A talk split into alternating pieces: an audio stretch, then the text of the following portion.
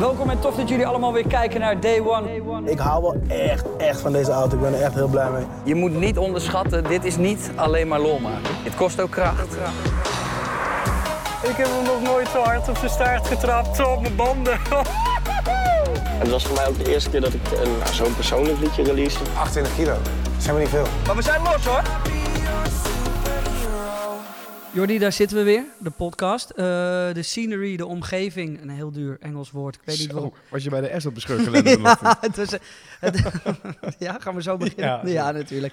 Eh, maar veel te dure woorden worden, speelde- spelen me weer parten. Jeetje, wat een begin, heerlijk. we zijn er weer, de podcast. De omgeving is anders. We zitten bij Absolute Motors. Ehm, wat hebben we om ons heen staan, jullie, voor de mensen die alleen op alle andere eh, platformen luisteren in plaats van eh, YouTube? Nou, laat ik beginnen met dat er achter mij een Porsche Speedster staat, waar er geloof ik maar, en dan ga ik even de mensen, even kijken, 19, 1900 nog wat modellen van zijn. Dat zijn er maar een beperkte oplage modellen in Ja. ieder geval van. Naast jou staat een G-klasse met een hele hoop testosteron. Is dat een Urban? Dat is een Urban editie 2019. Eh, heel veel carbon. Ja, en links van mij staat eigenlijk dezelfde, maar dan een andere kleur. Iets, In iets meer grijs. Ja. Ja. en we hebben natuurlijk weer marmeren tafels. Het licht is perfect. We Ja. hebben vandaag niet één, maar twee gasten. Want we willen af en toe ook een beetje de show erin houden. Mensen verrassen met wat we gaan doen. Moet, jij, eh, moet jij nog even trouwens, want we hebben nu twee marmeren tafels, omdat Ja. we dus twee gasten erbij hebben om die anderhalve meter aan te houden. Moet jij dan ook twee keer marmerentafels.nl zeggen? Of Nee, niet? dat hoeft niet. Oké. Nee, dat, eh, daar hebben, we hebben het niet over marmerentafels.nl in deze podcast. Dat is, eh, eh, ja, het is van Kai en hij vroeg of we het niet wouden eh, noemen. Nee, maar dan Dus gaan we het niet over marmerentafels. Dan gaan we het niet over hebben. marmeren tafels hebben. Ehm, we hebben vandaag twee speciale gasten. Maar voordat we daar naartoe gaan, wil ik wel heel even mensen erop wijzen dat je hoeft niet altijd helemaal de hele podcast te luisteren. Want we hebben een ander YouTube kanaal, dat heet Day One Clips. En Oh ja. daar staat de podcast verdeeld in stukken. En interessante stukken staat daar gewoon voor jullie om te bekijken. Dus je hoeft niet anderhalf uur te luisteren. Wat natuurlijk wel heel leuk is en heel gezellig, want dan krijg je het hele verhaal mee. Maar als je denkt, hé, hey, ik wil gewoon heel even een inspiratie van zes minuten of ik wil even wat clips kijken, dat kan ook. Daar hebben we nu een ander YouTube-kanaal voor. Dus ga daarheen, ga het checken, want daar Ja. zie je meer van deze podcast en misschien alleen de stukjes die je wil, dat kan ook. En ik kreeg ook een DM van iemand, eh, van meerdere mensen die zeiden van, joh, jullie moeten het ook op Spotify zetten. Nou, het staat op Spotify. Dat is zelfs het aller, allerbelangrijkste. Ja, dus, dus zorg, zeg maar, stel je gaat kijken en je denkt op een gegeven moment, ik wil gaan liggen of ik wil even niet meer kijken. Je kan hem gewoon in Spotify verder zetten. hè. Ja, Dus je kan hem gewoon in Spotify of Apple Podcasts, weet ik, overal zijn we te vinden, kun je hem gewoon doorklikken, zeg maar. en als ik heel eerlijk ben, I love YouTube en het is echt keihard, maar eh, onze podcasts zijn voor mij het aller, aller, allerbelangrijkste op die platform, omdat ja, je wilt toch gewoon lekker een koptelefoon opzetten en luisteren. Ja, zeker. Niet iedereen hoeft de hele tijd mijn hoofd te zien wat ik snap. Nee. Vandaag twee speciale gasten. Eh, zullen we ze meteen maar even opgooien, de mannen die vandaag langskomen? Ja, eh, Busy en je broer. Ja, allebei rappers. Allebei aan een uiterst spectrum van de hip-hop, denk ik. Eh, allebei vader. Allebei mannen die volgens mij niet meer zo heel hard hoeven werken, maar wel nog steeds verschrikkelijk hard werken. Ja. Ehm, als jij wat over de mannen zou mogen zeggen voordat ze hier zo meteen gaan zitten. Wat, wat voor eh, personen zijn dat in jouw eh, Q-Music omgeving? Ehm, nou, in mijn Q-Music omgeving, dat klinkt een beetje gek. Worden ze niet gedraaid? Die omgeving is breder dan, eh, dan Q-Music natuurlijk. Nou, nee, je hoort op, op, eh, op Q hoor je op, nou, weer geen, geen busy. Misschien als het in combinatie is met, met Christos Amsterdam, ofwel als die in de top 40 zit natuurlijk. En je broer geldt hetzelfde. Eh, maar Hoe alle- vaak is Kind van de Duivel, denk jij, gespeeld op Q-Music? Dat weet ik niet, maar dat is dan ook voor mijn tijd geweest. Want toen je Kind van de Duivel een hit was, toen draaide bij hem op Slam bijvoorbeeld wel eh, heel erg veel. Ehm, maar dat zijn twee gasten die dat ook helemaal niet per se nodig hebben. En dat ook niet op hoeven te zoeken. Twee gasten die natuurlijk knijten hard gaan. Maar ik heb ook wel zoiets... Ik hou me hard vast, want ik denk dat hier zometeen drie alfamannen zitten. Wacht even. Drie alfamannen. Jordi, Nee. Busy Nee. en je broer. Nee, dat ben ik niet. Eh, JJ, eh, je broer en, eh, en Busy. Ja, het wordt wel echt een, een aflevering vol met testosteron. Ja, ja, en ik ben benieuwd zeg maar, of we dat testosteron een beetje kunnen doorbreken. Van jou weet ik het, maar eh, van Busy en van, van Tim. Ik gok van wel, maar we gaan het wel zien, zeg maar. Ik, ik, probeer, ik, ik hoop wel dat we er een beetje doorheen kunnen prikken. We gaan gewoon allemaal vragen stellen over hun kinderen en dat soort dingen. Dan, Ja. dan breken ze vanzelf. Oh, dat is de tactiek? Dat is de tactiek. Want ik weet precies hoe dit gaat. Dit, ik, dit gaat waarschijnlijk met een hele grote glimlach en heel veel lachen en heel veel testosteron. En dan zwakt het af naar iets heel liefs en leuks. Ja, nou dat hopen we dan. Dit eh, gaat weer een podcast worden, Jordi. Ik heb er zin in. Zeker. Let's go. Jeetje jongen, niemand kijkt dit.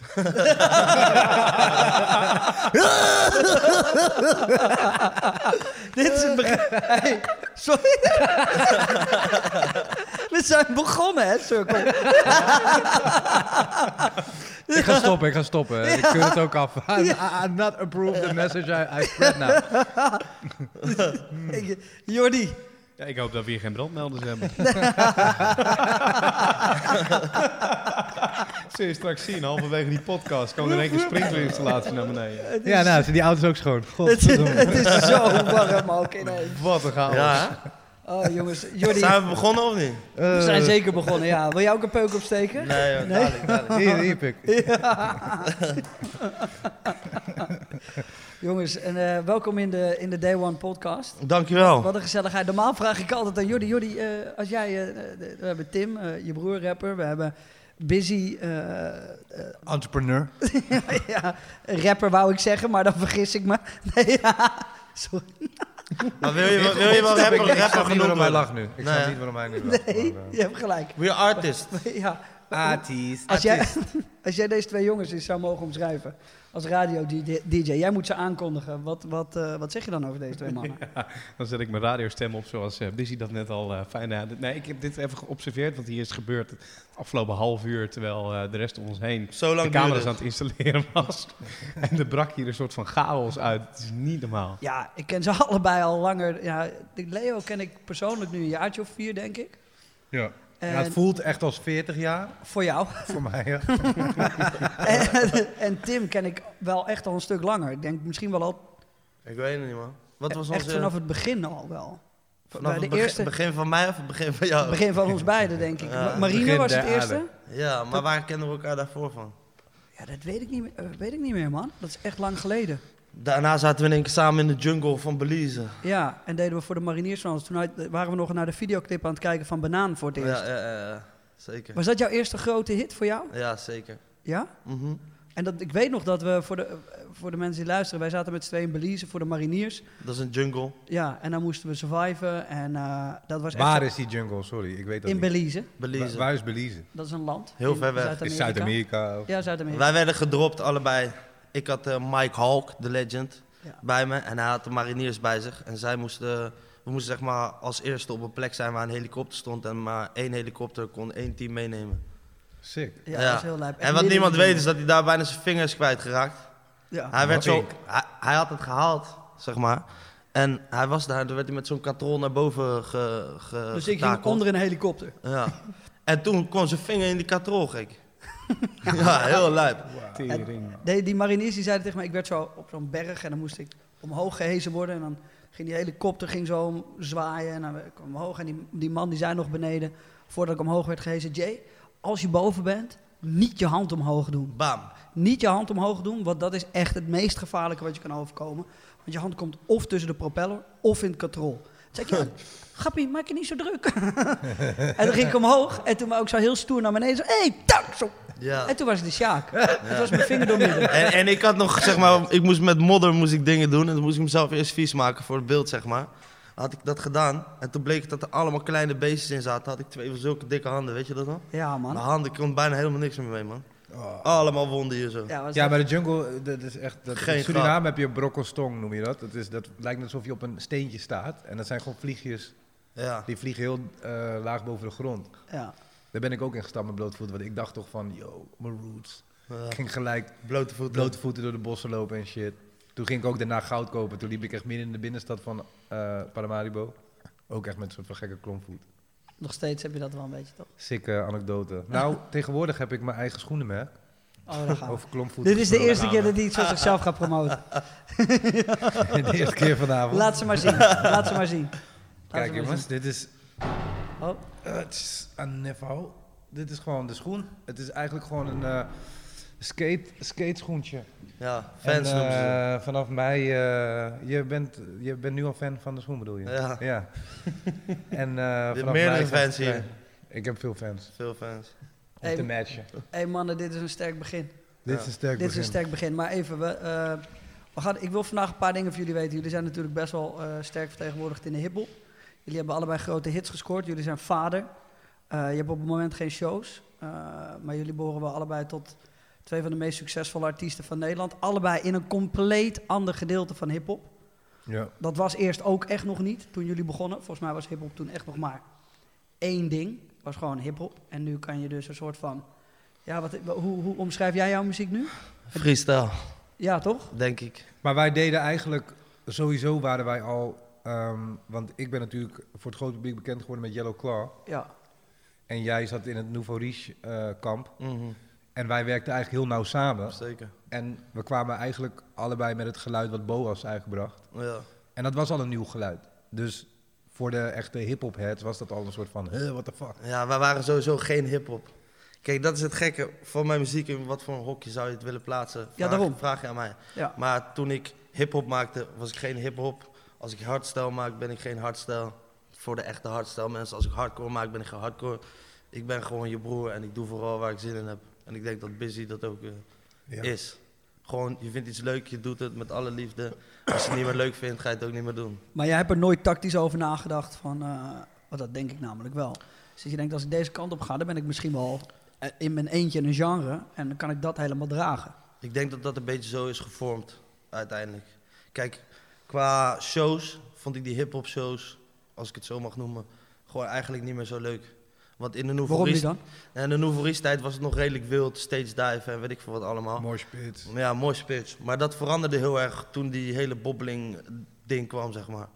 En toen eh, heb ik een paar shows gedaan toen ik al een beetje een overstap naar nog wildere muziek aan het maken was. En dan stond ik tussen eh, bepaalde mensen uit de hip-hop scene.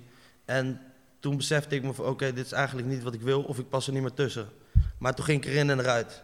En ehm, toen dacht ik, shit, wat ga ik nu doen, weet je? Mijn muziek werkt niet meer. En toen werd ik nog een keer geboekt bij zoiets. Ook dacht ik, oké, ik ga de hele avond kijken wat er eigenlijk gebeurt met het publiek. En toen zag ik eigenlijk gewoon de hele tijd mensen stilstaan en kijken. En het leek net alsof ze het niet naar hun zin hadden. En toen werd ik meer geïntroduceerd in de, in de hardstyle-achtige, de hardere stijlen. En die shows daar zijn gewoon gek, man. En die mensen komen echt om te feesten. En dat is denk ik echt een groot verschil. Maar wat, En is, met- dat- wat is feesten? Want dat deed je natuurlijk al, ja.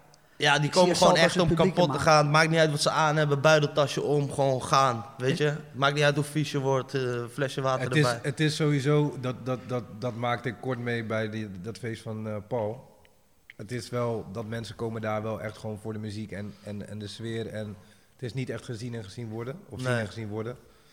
Dan vind ik wel dat bij mijn publiek, kijk, ik maak gewoon echt voor de chicks, basically, eh feestmuziek voor vrouwen. Mhm. Hoe kijken jullie naar elkaars muziek? Ehm, ik vind het hard wat hij doet, omdat ik het geloof. Ik Ja. vind het heel moeilijk om nu bijvoorbeeld echt in wat hij nu doet een, een, een featuring te doen met hem. Omdat ik hou gewoon niet van echt die in mijn, hij noemt het freestyle. Ik als leek zou zeggen hardstyle of hardcore, zeg maar. Ja, ik fok daar gewoon niet echt mee. Ik, kan daar, ik word daar niet door geprikkeld. Ja. Maar wat ik gewoon vet vind is, als, als Tim het doet, ik geloof het. Ik zie dat hij... Ik zei dat laatst volgens mij zelfs tegen jou, dat je zelfs die tune met VC Ruud, Ja. dat je waarschijnlijk in de studio gewoon met je ogen dicht zat van, dit is echt hard. Ja, ja, ja. Eh, Dus ik, ik snap, ik, ik, eh, wanneer, ik het, wanneer ik hem bezig zie en het hoor, krijg ik wel nog een stukje mee van hoe hij ernaar kijkt. En dat is de geloofwaardigheid en dat vind ik gewoon goed. Dan is de kwaliteit en dan, dan snap ik ook dat het succesvol is. Maar je, zou, ik- zou het zelf niet luisteren. Nee man. Thanks. Maar is Nee. dat, Nee, maar is dat kijk, het- kijk hoe, hoe ik naar Busy kijk is... eh, kijk, we zijn van heel ver gekomen. We kennen elkaar heel lang. En we hebben allebei een eigen pad gekozen. Maar ik denk eigenlijk dat we redelijk dezelfde soort mensen zijn. Want we denken heel veel aan marketing en alle dingen achter de muziek. Pakken social media goed aan. Weet je wel, we, we snappen het hele plaatje daarachter. En dat komt mede ook... Heel veel daarvan heb ik geleerd van de Yellow Claw tijd. Want toen maakten wij muziek. En wanneer we het uitbrachten, stond het op YouTube. Maar bij Yellow Claw dachten zij een stapje verder na, want die gingen daarna met het product werken. En daar heb ik echt heel veel van geleerd. Gewoon gekeken, geluisterd. Weet je, er zat echt de hele strategie achter elke release. Die doet dan wat posten, die doet dan wat posten. Dan geven we een trui weg, dan een shirt weg, dan dit. Dat was echt, echt, echt zwaar on point. Alles. Ja, en het is ook leuker zo, toch? Want Ja. ik denk niet dat het geforceerd is. Wij vonden het toen al gewoon leuk om, om met een product echt aan, aan de haal te gaan. En ehm, nu nog steeds, want mensen zeggen wel eens van... ja, je zit dan in de studio en je bent dan bezig met de hits... en al met de clip en met de marketing. denk ik van, ja, maar dat is omdat ik het fucking hard vind. Dat Ja. vind ik ook gewoon eh, een piece of the art. zeg Ja, zeker. Ik denk ook dat jij En ik, ma ik maak muziek en ik zie het al voor me hoe ik het live ga doen. Ik zie de video al voor me. Ik heb een idee hoe ik het wil doen, weet je wel. En, eh, en dat, eh, dat werkt gewoon heel goed, denk ik. En hoeveel blijft er zeg maar over van wat, wat jij in je hoofd bedenkt en dan gaat, dan gaat er nog een team overheen die dan dingen verandert of zegt nou, we kunnen het beter zo doen? Ehm, ja, er is wel degelijk een team achter mij. Maar ja, die adviseren gewoon. En ik heb heel vaak het tegendeel bewezen. Dat iedereen Ja. zei van, eh, nee, ik denk het niet. Noem eens, ik, ja, noem, doe eens, maar. noem eens een voorbeeld. Nou, mijn track Brommer. Ah, ja. tijd terug, daar geloofde niemand in. En die knalde toen. Eh, niet iedereen geloofde gelijk in toen ik sneller wilde tekenen. Bijvoorbeeld. ja, ze. ja. nee, niet iedereen was gelijk Nee. overtuigd. Ja. Want het was gewoon hip-hop. En wat gaande was, was toen Busy, Broederliefde en weet ik veel wat allemaal. Toen maakte hij echt hip-hop gewoon. Toen ik hem heb geïntroduceerd aan het team, zeg maar. Ja, zo zijn er bepaalde dingen. En ik wil gewoon doen wat ik leuk vind. En ik ben blij dat ik dat op dit moment kan doen. Dat ik niet moet denken van ik moet nu scoren of zo. Ik heb al een hele discografie achter me, weet je wel. Waar mensen mij op kunnen boeken. Mensen willen nog steeds Kind van de Duivel, mijn gabber. Weet ik veel, al die liedjes willen mensen gewoon horen. Ik kan het ook niet, niet, niet doen, zeg maar. Maar wanneer kom je op die positie aan dan? Als ik ook naar, eh, naar jou kijk. Hoe bedoel je welke positie? Nou, op, op, wanneer kom je aan zeg maar, op het moment dat, dat het niet, niets meer uitmaakt? Dat je niet meer bezig bent van ik moet wel die cijfers gaan halen of ik moet wel relevant blijven. Heb jij dat? Nou, ik. ehm, kijk, wat, wat, wat is, is. ehm, ik denk wel dat het moeilijker is dan vroeger. Zeg maar. Het is nu met internet, eh, de, de jeugd, zeg maar. En iedereen heeft gewoon een veel kortere concentratiespan. Dus. Het is niet meer zo vanzelfsprekend van: oké, ik heb nu een discografie, ik kan een uur lang hits knallen en daarin drie shows vullen. Dus ik kan eigenlijk drie verschillende uren met hits vullen. Dat je dan vanzelfsprekend overal geboekt wordt. Maar het is wel een grote meerwaarde, want ehm, ja, basically kan je gewoon op het moment dat je even wat minder hits hebt en je wordt op een feest geboekt, gaan mensen in één keer wel tijdens jouw uur ja, gewoon bijna verrast worden van, oh ja, maar deze guy heeft gewoon, oh ja, Ja. die hit had hij ook nog, Ja, oh ja, die had hij ook nog. En dat is aan het begin van het festivalseizoen en in één keer gaan er toch een hele hoop gasten hier boeken.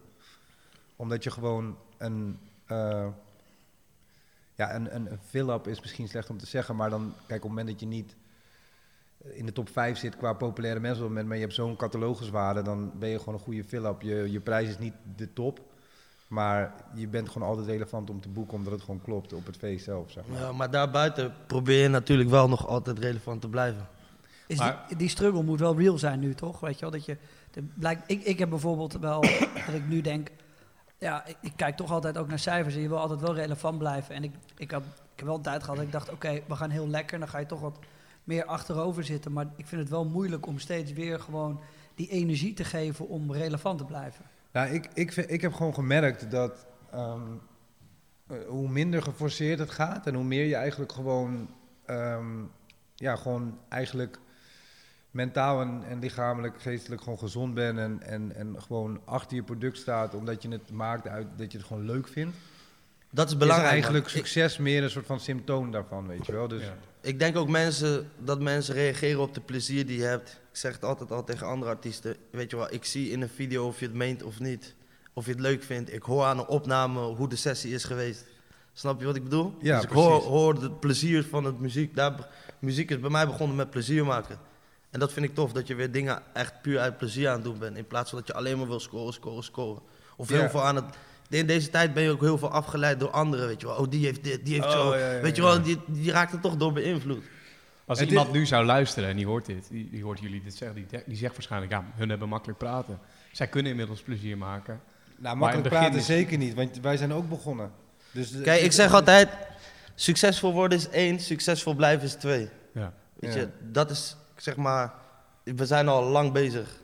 Dus succesvol blijven is een ding, maar je moet er nog steeds keihard voor werken om toch succesvol te blijven. Maar als ik nu terugkijk naar mijn carrière en dan eh, gewoon echt naar de cijfers kijk, dan zie ik eigenlijk gewoon aan de cijfers hoe lekker ik in mijn vel zat, zeg maar. Dus alle, alle sprintsucces heb ik gedaan omdat ik echt heel lekker ging. En eigenlijk wanneer het inzakte of dat ik gewoon passiever werd, was het moment dat ik er gewoon minder achter stond. En dat kan dan zijn doordat ik gewoon een beetje klaar met de stijl was. Of dat ik gewoon privé gewoon even minder chill ging. Maar eigenlijk, als je gewoon jezelf triggert in de studio doordat je gewoon blijft zoeken naar. Tenminste, ik, ik heb gewoon zoiets van: ik vind na een tijdje weer iets gewoon niet meer boeiend. En dan wil ik gewoon wat nieuws doen. Dat maakt mij gelukkig. En daarnaast is het gewoon belangrijk dat je lekker in je vel zit. En eigenlijk die combinatie heb ik teruggezien in cijfers, dat dat gewoon een soort van synchroon loopt. Of, Dus, dus bij Traag zat jij fantastisch goed in je Ja, vel. ik wilde het net zeggen. Ja, bij Traag zat ik koude lekker in mijn vel, ja. En bij, welke zat je dan minder goed in je vel? Ehm, Waar je echt nog herinneringen aan hebt van, oh ja, shit. Nou, bijvoorbeeld die, eh, eh, die eh, ehm, tune, die Brega Funk-stijl-achtige tune. Ik, de- We roelen de nacht heet die, omdat het was een deal met de Holland Met die zwart-wit videoclip of zo. Nee, eh, die eh, Kom maar, kom maar, laat je gaan. Kom maar, kom maar, kom maar. Ja, die is niet eens Oh, echt... die. eh, Oh, die. Ja, ja toen was ik ook best wel zoekende. Maar dat kwam dus niet alleen maar uit het feit dat ik gewoon niet meer echt getriggerd werd door mijn eigen muziek. Omdat ik het niet zo boeiend vond. Maar ook omdat ik gewoon niet lekker in mijn vel zat. Dus geen enkele muziekstijl zou me echt triggeren. Dus ik ging een beetje random de studio in of zo. En op het moment dat je gewoon, je weet toch, steady bent.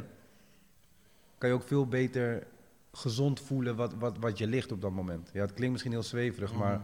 Ja, maar dan, dan heb je waarschijnlijk ook door wel- welke ingrediënten eraan bijdragen wanneer jij je top voelt. En wat je weet Ja. dat er misgaat op het moment dat je je niet goed voelt. Ja, eigenlijk wel ja. Want ik had ook bijvoorbeeld eh Scaffa al heel lang geleden gemaakt, maar die voelde ik eigenlijk niet om uit te brengen, omdat ik gewoon niet echt in een good place was. En toen ik me eigenlijk weer chill voelde, toen dacht ik van, yo, eigenlijk heb ik deze liggen, dit is gewoon, dit is gewoon een hit. Oké, het is fucked up dat alle clubs in één keer dicht gingen, want dat had hij het wel beter gedaan. Maar alsnog gingen de cijfers aanzienlijk beter dan de dingen die ik ervoor had gedropt, drie, vier releases. En nu ben ik weer release fan en sta ik weer gewoon in top 10 eh, Spotify top 50. En ja, op een of andere manier merk ik gewoon van de echtheid, de authentiekheid en de lol erin is gewoon heel belangrijk voor, eh, voor, voor hoe, hoe een plaat gaat. Zeker. In de first place moet je wel muziek kunnen maken natuurlijk, maar Maar heb, jij, heb jij ook dan een duidelijke plaat waar je je minder bij voelde? Of waar je ook... ben je ook bij me- je successen, de, de successen die je had, voelde je je toen ook beter? Ja, sowieso. Ik denk dat ik vroeger... Zo, voor mij was de uitlaatklep altijd geweest. Toen ik nog echt rapte, zeg maar. Maar veel mensen vragen nog aan mij van... Wil je niet die liedjes zoals Traan en Camouflage of Ga me van slapen maken? Maar ik zit helemaal niet nu in zo'n vibe om even zo'n zielig liedje te gaan maken. Snap je wat ik bedoel? Ja. Dus het heeft wel heel erg met vibe te maken wat ik maak, ja. En Kind van de Duivel? Hoe was die periode? Ja, voor mij top, man. Ik, eh, ik weet nog dat ik die track kreeg. was de laatste track die ik moest maken voor mijn album. En eh, ik kreeg die instrumental van Paul. En toen eh, zat ik boven op mijn zolder en ik weet nog dat ik moest verluisteren. Want ik had de open trap naar beneden en boven zat mijn studio toen ik nog in Amsterdam woonde. En toen ging ik dat zo, ik ben een kind van, ging ik dat zo opnemen. En toen stuurde ik het naar Paul. Hij zei, ja, dit is het man, niks meer aan doen. Maar als dat niet de situatie was, dan had ik het misschien, ik ben, een, was het een hele andere track geweest, weet je. Juist- waarschijnlijk ook een hit. Maar, ja, ja, maar dat, al dat soort kleine dingen zijn wel tof om over na te denken, weet je. Dat het toch... eh, Nee, maar het is ook vaak dat bijvoorbeeld, ehm want ik, ik hoor heel vaak van de ENR's bij nieuwe artiesten van, eh, ja nee, hij moet eerst een repertoire hebben en dan pas willen we iets droppen. Terwijl ik heel vaak merk bij artiesten en ook bij mezelf van, uit succes haal ik ook succes. Omdat natuurlijk, het is logisch dat je lekker in je vel raakt als jij een fucking goede pla een plaat hebt die goed uit, eh, uitpakt. Ja, dan ga je daarna eigenlijk gewoon in, die, in dat geluk, op die roze wolk, ga je eigenlijk de studio in de aankomende tijd. En dan, Ja, ja, daar haal je ook gewoon betere muziek uit. Zeker waar. Want daarna was het soort van, oké, hoe ga je nog, hoe ga ik nog zo'n plaat maken? En toen eh Raymond, zeg maar, baas van Cloud9, zei, ja, wat ga je dan doen? En toen stuurde ik hem Engeltje. Hij zei, ja man, staat te dansen hier in kantoor. Ja, ik weet ook nog, jullie hebben allebei die fases gehad. Dat ik dacht, alles wat jullie uitbrengen op dit moment. En ik denk dat dat uniek is, want niet veel artiesten hebben dat. Dat alles wat jullie op dat moment uitbrachten was gewoon. Ja, was gewoon een klapper, weet je wel. Mhm. Engeltje ook. Dat ik, dat, ik, ik dacht, daar gaat hem nooit weer gebeuren. En toen boom. En Ja, die gek. zomer was van jou. Ja, was gek. Voel je dat dan ook zo? Dat je denkt, dit is voor mij, dit is, dit is unstoppable? Ja, het was wel gek. Toen hadden we weekenden deed ik 14 shows of zo. Weet je, dan ben je, je bent er zo, je bent echt alleen maar aan het racen, weet je. Nu kan ik erop terugkijken en dan denk ik, ja, was wel echt een vette tijd. Ik ben blij dat ik veel gefilmd heb en ik maakte altijd die recaps en zo. Dat is toffe tijd, maar ik zou niet weten hoe ik dat toen deed, man. Want ik had toen al twee kids en eh, ik deed eh, 280 shows in een jaar. En ja, ik weet niet hoe ik dat deed, man. Als ik nu terug ga kijken, ik heb echt geen idee. Het is gekhuis, hè? Ja. Ja, ik heb, maar ik moet wel eerlijk zeggen dat ik het... Je gaat het ook wel ergens weer normaal vinden of zo. Je wordt pas ineens Ja, dat is het, je zit wakker erin. als dan eentje wat minder deed. En ik had dan ook nog zo'n soort van... Ik had dan bijvoorbeeld... eh, dat ik Aventura uitbracht. De videoclip ook met mijn vrouw erin. En Mhm. eh, dat was gewoon een tune waarvan ik wist van... Oh ja, deze kan ik nu droppen, want hierna heb ik nog drup liggen of zo, weet je wel. Ja. Dan wist ik gewoon van... Deze gaat iets minder doen, maar no stress, want daarna Ja, ga, ik weer, ga ik weer voor die nummer 1. Weet je wel. Profiel dingetje. Ja, Ja. dus ik had echt eh, op een bepaald punt dat, eh, ik zo'n heftige controle. En nu heb ik hem wel weer terug. Maar ook juist daardoor kan je in een soort van... eh, In de winkel noem je dat winkelblind, toch? Als je na een tijdje niet meer ziet dat, dat iets al de hele tijd er precies hetzelfde erbij staat. Ja.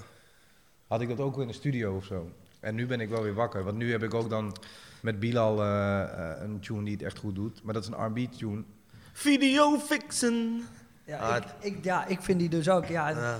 Ik heb hem denk ik, eh, Ja, voordat je hebt hem echt gecheckt gewoon. Ik heb voordat hij uitkwam, heb ik hem vier of vijf keer gecheckt van eh, stuur hem naar mij, want ik wil hem gewoon in de auto draaien. Want zo hard, zo hard vond ik hem. En ik ben echt die commercieel, ja, laat mij iets commercieels horen en ik weet meteen of het wel of niet een hit is. Daarom dacht ik traag. Ja, daar hebben we onze verleden mee. Ja. Ik denk dat ik beter mijn mond daarover kan houden. Maar, maar deze, deze, deze hoorde ik dan wel meteen. Nee, maar soms, eh, dat is ook met modellen toch? Soms zijn ze zo erg tegen het lelijk aan dat ze vet mooi zijn. Dat is misschien met traag dan. Dus dat, dat sommige mensen dan dat model lelijk vinden. Ja, ja. Maar eh, voor mij was dat ook gewoon weer een bewuste keuze. Dan, dan merk ik wel van, ah ja, ik, ben weer, ik zit er weer lekker in. Want ik heb gewoon nu clubhits liggen waarvan ik echt weet van, deze gaan echt ham straks. Alleen ja, ik heb er nu gewoon niks aan. Mensen kunnen nergens heen. Nee. Dus ik denk van, laat mij even knuffelmuziek maken.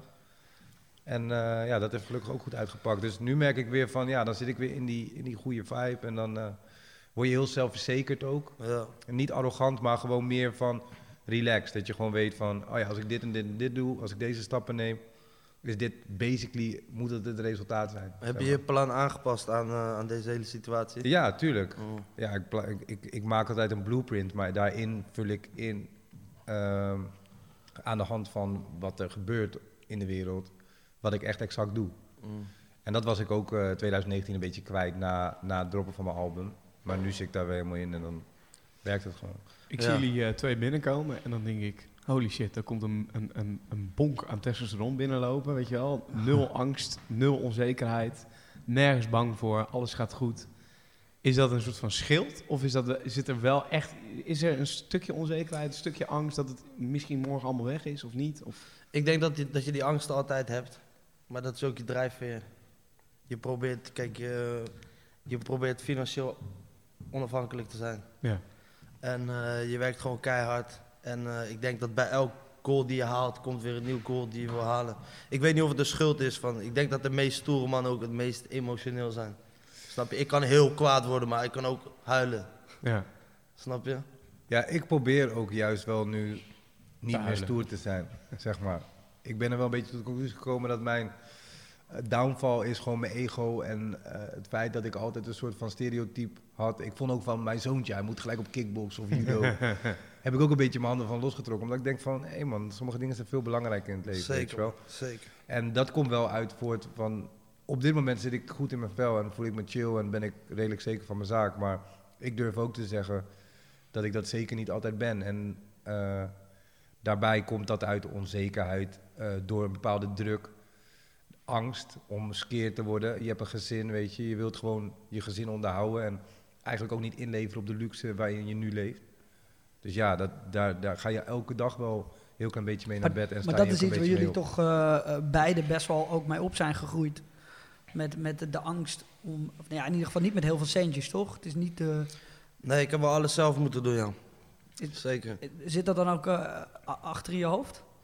Altijd, man. Dat je altijd verantwoordelijkheid hebt nu voor je familie, eh, maar ook dat wat je hebt opgebouwd, dat dat echt van diep komt. Zeker. Letterlijk met bloed, zweet en tranen. En Ja, dat je dat bang dat- bent om kwijt te raken. Ik heb, ik heb gewoon heel erg van thuis uit mee- meegekregen van... Kijk, schulden waren geen opties. Mijn vader heeft gewoon heel hard gewerkt. Heel hard gewerkt. En heeft alles wat hij heeft zelf opgebouwd. En hij wilde dat ook, dat ik dat eigenlijk op die manier doe. We hadden een winkel, zeg maar, vroeger. En mijn vader heeft zich heel erg uit de schulden moeten werken. En ehm, nou ja, waar, waar dat allemaal precies door komt, dat is een lang verhaal. Maar in ieder geval, die angst voor schulden, die heeft hij mij wel echt meegegeven, zeg maar. En het, ja, dat is wel... Maar heb je, je- heb je schulden gehad? Ik, ja, ik heb gekke schulden gehad, ja. Ja, ja, ik zeker ook, wel, hoor. ik zeg maar, dat, die voel ik wel altijd nog, man. Weet je wel? Ik wil gewoon nooit meer naar dat. Dat gevoel, jongen. Dat, dat, ik deed mijn brievenbus niet open. En zeg maar, daarna heb ik het wel gedaan. En toen op dinsdag keek ik erin. En toen kreeg ik een brief dat ik op donderdag uit mijn huis werd gezet. En ik ging mijn pa bellen en zo of hij even geld kon fixen. Maar hij deed niet. Dus toen moest ik het echt zelf doen. Weet je, niemand kon me helpen. En vanuit daar is eigenlijk alles begonnen. En ik had toen een baan. En die eh, eigenaar, was een verhuisbedrijf, die eigenaar zei tegen mij van... Weet je wat jij moet doen? Ga gewoon, gooi alles weg en ga gewoon achter je droom aan. Toen dacht ik, ja man. En het is wel toevallig dat ik nu met hem zaken aan het doen ben. Heel gek bij elkaar gekomen. Dat is, maar wat, is dan voor jou, wat, want dat is natuurlijk best wel, kijk, dat is, een hoop mensen zien dat niet, is er zit, een, er zit toch echt wel een, een hele grote tijd tussen het moment dat je dat beslist en dat het ook echt gebeurt. Zeker. Wat, wat gebeurt er in die tijd dat, dat, je, dat je de beslissing neemt om er echt voor te gaan en dat het ook echt gebeurt? Wat, wat gebeurt er in die, in die tussentijd bij jullie? Want ik weet hoe dat bij mij is gegaan, maar hoe ging dat bij jullie? Kijk, ik kom uit een eh, positie waar niet iedereen in mij geloofde of in mijn carrière geloofde. Dus eh, toen kwam, ik kwam toen bij Nouveau Riche en eh, daar merkte ik, zij leefden gewoon met z'n allen. en er waren een groep vrienden waar ik in, zeg maar, bevriend mee raakte. En ze maakten samen muziek, maar zij leefden echt van 50 euro en eh, samen eten en weet ik veel wat, weet je wel. Dus toen gewoon even met helemaal niks leven. en ehm, je kracht was je creativiteit, samen creatief bezig zijn, filmpjes maken, jezelf helemaal in de picture zetten. Er was weinig voor nodig. En eh, vanaf toen gewoon keihard gewerkt en eh, tot en met de laatste cent geïnvesteerd in mezelf eigenlijk. Is dat dan, eh, hoe- je leefde samen, had je dan, wil je dan zeggen dat, eh, dat, dat Nouveau Riche voor jullie, dat is een hele speciale tijd. Dat is de tijd waarin ook, denk ik, Yellowclaw, eh, al- Zeker. jullie kwamen tegelijk op. Zeker. Hij Eh, pakte basically gewoon op een awardshow alles. Zeg maar. Ja. Of het was Yellow Claw of het was iemand van Riche, Riche. Ja, ja, gek. Dat, ja, maar de, de- die tijd daarvoor leefde jij dus op, weet ik veel. En hoe deed je dat dan? Deden jullie met z'n allen alles splitten? Eh, Wij gingen echt naar... waar naar- woonde je? Wat, wat, wat deed je? Eh, ik ging weer terug bij mijn moeder op zolder wonen. En ehm, ik werd zelfs uit de anti-kraakhuis ge- gezet. ja. Dat was het huis waar ik uit werd gezet. Dat is gewoon En- knap. Ja, dat is heel knap. Want het, ja, het- het kostte echt maar 200 euro per maand of zo. Respect. Maar om mij heen woonden mensen die nog gewoon de volle pond betaalden. Dus die gingen gewoon boos worden tegen mij. En ehm, ja, we kwamen gewoon van een, van een, van een plek met z'n allen waar, waar we gewoon samen er, zo erg in geloofden dat we elkaar motiveerden. En elkaar hielpen vooral als één team om groot te worden. En eh, alle stappen die we, die we maakten, die waren gewoon... eh, die, die werden steeds groter en groter. En uiteindelijk kwamen we samen met Yellow Claw. Ik weet nog dat we echt in de studio zaten en dat eh, Jim en Niels zeiden van ja, wij gaan een team vormen, Yellow Claw. En dit en dat en muziek luisteren samen en zo.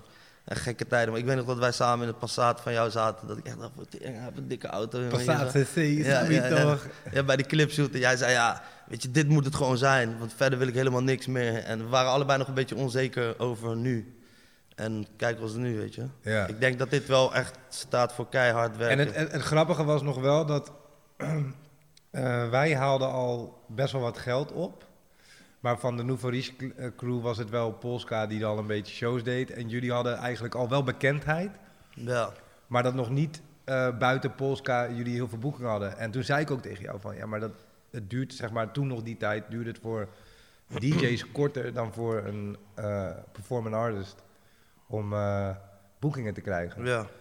Maar ik weet nog echt dat toen je zeg maar een half jaar later in één keer tering lekker ging, dat je ook echt eh, tegen me zei van, weet je nog in die Passat? Ja, ja, ja, gek. Ik maak nu die monies man, ik ben nu die shows aan het doen. Ja, Spreken jullie die gasten eigenlijk nog van Yellow Claw? ik wel, ja. Ik niet. En, en ehm, met een reden niet? Of gewoon? Ehm, nou, nee, niet, niet per se met een specifieke reden. Althans, kijk, eh, wij zijn uit elkaar gegaan. Of althans, ik, ik heb besloten om, eh, om mijn eigen pad te gaan. En eh, ja, ik had, moet ik, als ik heel eerlijk ben, kijk, de tijd dat ik in Yellow Class had, sprak ik ook niemand. Want ik was alleen maar aan het toeren. Dus aan de hand daarvan begrijp ik al dat ik ze niet veel spreek. Plus, ik heb er ook niet, niet, niet dusdanig behoefte aan of zo. En je bent, je bent natuurlijk ook uit Yellow Claw gestapt op een gegeven moment, omdat je gewoon echt niet... Je zat ergens in de put, toch? Ik ging ook niet lekker, nee. Maar dat had niet per se met hun te maken, maar ik ging ook niet lekker. En eh, ja, ik denk ook wel dat ik een soort van... Ik wilde ook echt in het begin totaal niet trap-achtige dingen maken in de studio. Echt als al een trap snare of een 808 eh, kick voorbij kwam, dan werd ik al allergisch. Dus ik was ook wel redelijk getraumatiseerd. Kunnen ze trots zijn, denk je? Als ze nu naar jouw eh, carrière kijken? Eh, ja, ze mogen trots zijn op mij. Het, eh, d- ja, dat, dat, ik moet zeggen, heb ik nog eigenlijk nul, nul Ja, hij heeft het wel, hij het wel echt geflikt, man. Zeg Ja, nou ja, ik denk dat iedereen, en, en, en wij ook, want ik werkte toen bij Slam, wij dachten echt, ja, wat, wat, wat gaat hij doen, weet je wel? Wat, wat gaat Ja, ik denk werken? dat vooral bij, ehm, wat natuurlijk altijd met Yellow Club was, is dat ehm, er werd altijd gezegd van, ja, creatieve brein is Jim. En eh, Niels en ik ehm, waren eigenlijk ook gewoon heel erg betrokken in elk proces. Alleen daarbij dachten mensen dat Jim alles deed, omdat hij natuurlijk ook al heel erg bekend was als creatieveling door Habbekrats en door het maken van videoclips en dergelijke.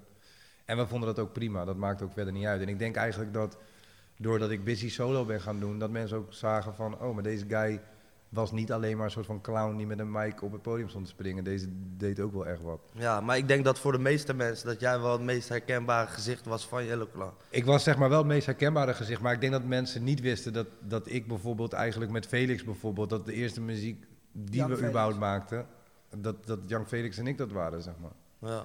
Ja, dat was bij mij misschien ook wel als ik voor mezelf praat. En ik, ik dacht echt te- tegen die, toen dat gebeurde, zeg maar, dacht ik, ja, ik gunde het je niet. En we- weet je waarom niet? Ja. Omdat wij, jullie kwamen vaker langs in de studio. En, en als Yellow Claw kwam, dan wisten we... Oké, jongens, we moeten echt even... Ja, jullie waren echt ons, teringleiders, man. Ja, ons best ja. Jullie waren echt... ook tijdens Ja. DJ-sets gewoon praten Ja. met elkaar. Nou ja, ik ben blij dat jij het zei. En ik was één keer, ik moest invallen voor Igmar. En ik was, nou ja... En dat, Klein dat- traumaatje dat dit, jongens. lasje van mijn gezicht af waarschijnlijk. Ik was gewoon een soort van zenuwachtig voor wat er ging komen. Ja. En ik weet nog dat ik tijdens die DJ-set, ik zette die mic open. Jij, jij schreeuwde er wat overheen. Ik deed die mic weer terug, maar jij wilde daarna weer. En ik was te laat. En volgens mij zei je, ja, is te laat, pik. Terwijl je me aankeek. ook. Ik dacht, oh, holy fuck. En inmiddels heb ik een hele andere kant van jou leren kennen. Of zie ik jou compleet anders dan toen. ja, nou ja, ik ben natuurlijk ook ouder geworden. En eh, daarbij Hoe oud ben je eigenlijk? Ik ben 24, forever. nee, maar ehm, het ding is, is, ik ben nog steeds die guy, snap je? Alleen, ik vind het ook nog steeds wel leuk. Ik kies ook wel mijn interviews. Ik moet ook wel zeggen dat als ik merk dat een eh, journalist of interviewer zeg maar een beetje zenuwachtig is, dan jump ik er ook wel fully op. Ik vind het gewoon lachen. Maar dat is niet omdat ik dat doe om diegene een rotgevoel te geven. Ik vind het dan gewoon vooral Nee, natuurlijk niet. Maar leuker voor mezelf. Want ik vind interviews gewoon 9 van de 10 keer saai. Kijk, ik, ik ben gewoon cool met Jay, met JJ. En ik vind het hele day one gebeuren wat hij doet gewoon fucking hard. Dus dan sta ik achter en dan wil ik het graag doen.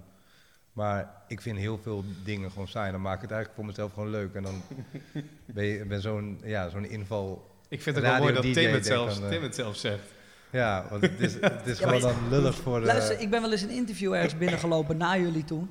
En toen zeiden ze gewoon, ja, die jongens van Yellow Claw waren hier net. En dat was, ja, ze zijn goed in wat ze doen, maar jezus, wat een klootzak zeg. Ja. ja, maar vonden jullie ons echt klootzakken? Nee, nou, nee, ik, wat uiteindelijk het ding was, en, en daar had ik het met Igmar ook veel over. Naarmate jullie vaker daar langskwamen en naarmate jullie... Het was bij ons het ding, naarmate zij jou vaker hebben gesproken, des te meer respect ze voor je hebben en des te normaler ze doen. Dus na drie keer dat jullie langs waren geweest, waren jullie ook chill. En Ja, was, het- was soms dat, dan was werd dat het- niveau er meer Dan werd het gewoon een gesprek. Ja, precies. Maar ja, was, was het niet voor jullie ook leuker? Omdat normale interviews zijn gewoon eigenlijk, hoe gaat het? Wat ben je aan het doen? Ja. Tuurlijk. Dus dit maakt het toch wat anders. Ik denk dat het ook, zeg maar, als je tig, tigduizend interviews doet, na een tijdje denk je ook, oh, god, Maar dit hebben we, komen heb, je toch ook over de jeugd wel eens gehoord? Ja, Ja, prachtig. zeker. Ook Ja, net toch? zo. Ja, absoluut. Ja, we het- gingen toch bij koffietijd of zo? Gingen Nee, ze het van vet alles, lang man. hebben over snickers en shit.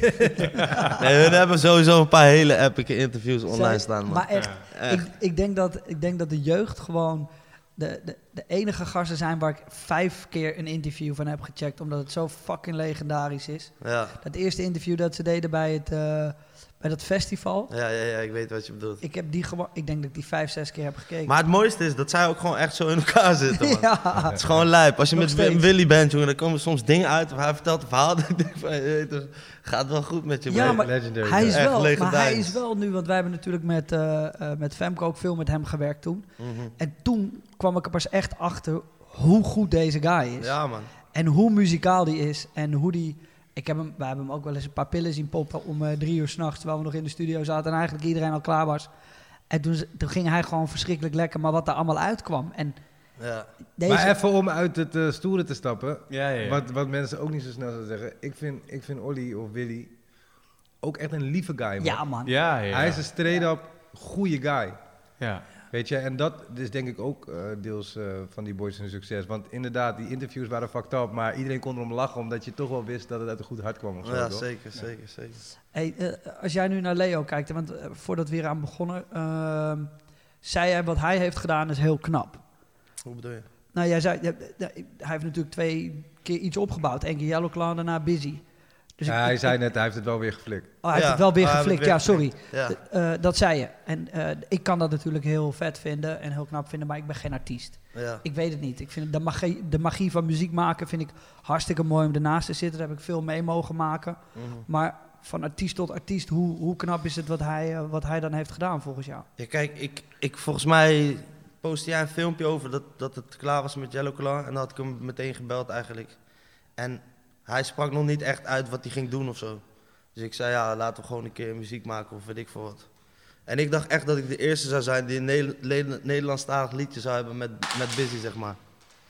En ehm, uiteindelijk, hij, hij had al een hele plan voor zichzelf klaar liggen, wat hij me dan later heeft verteld, weet je. En eh, ja, we hebben gewoon tussendoor contact gehouden. En, ja, eh, want ik had, ik had inderdaad met Jim en Niels wel besproken dat ik op jouw album in het Nederlands ging. Ja, Maar ik mocht niet, niet vertellen wat was going on. Dus ja.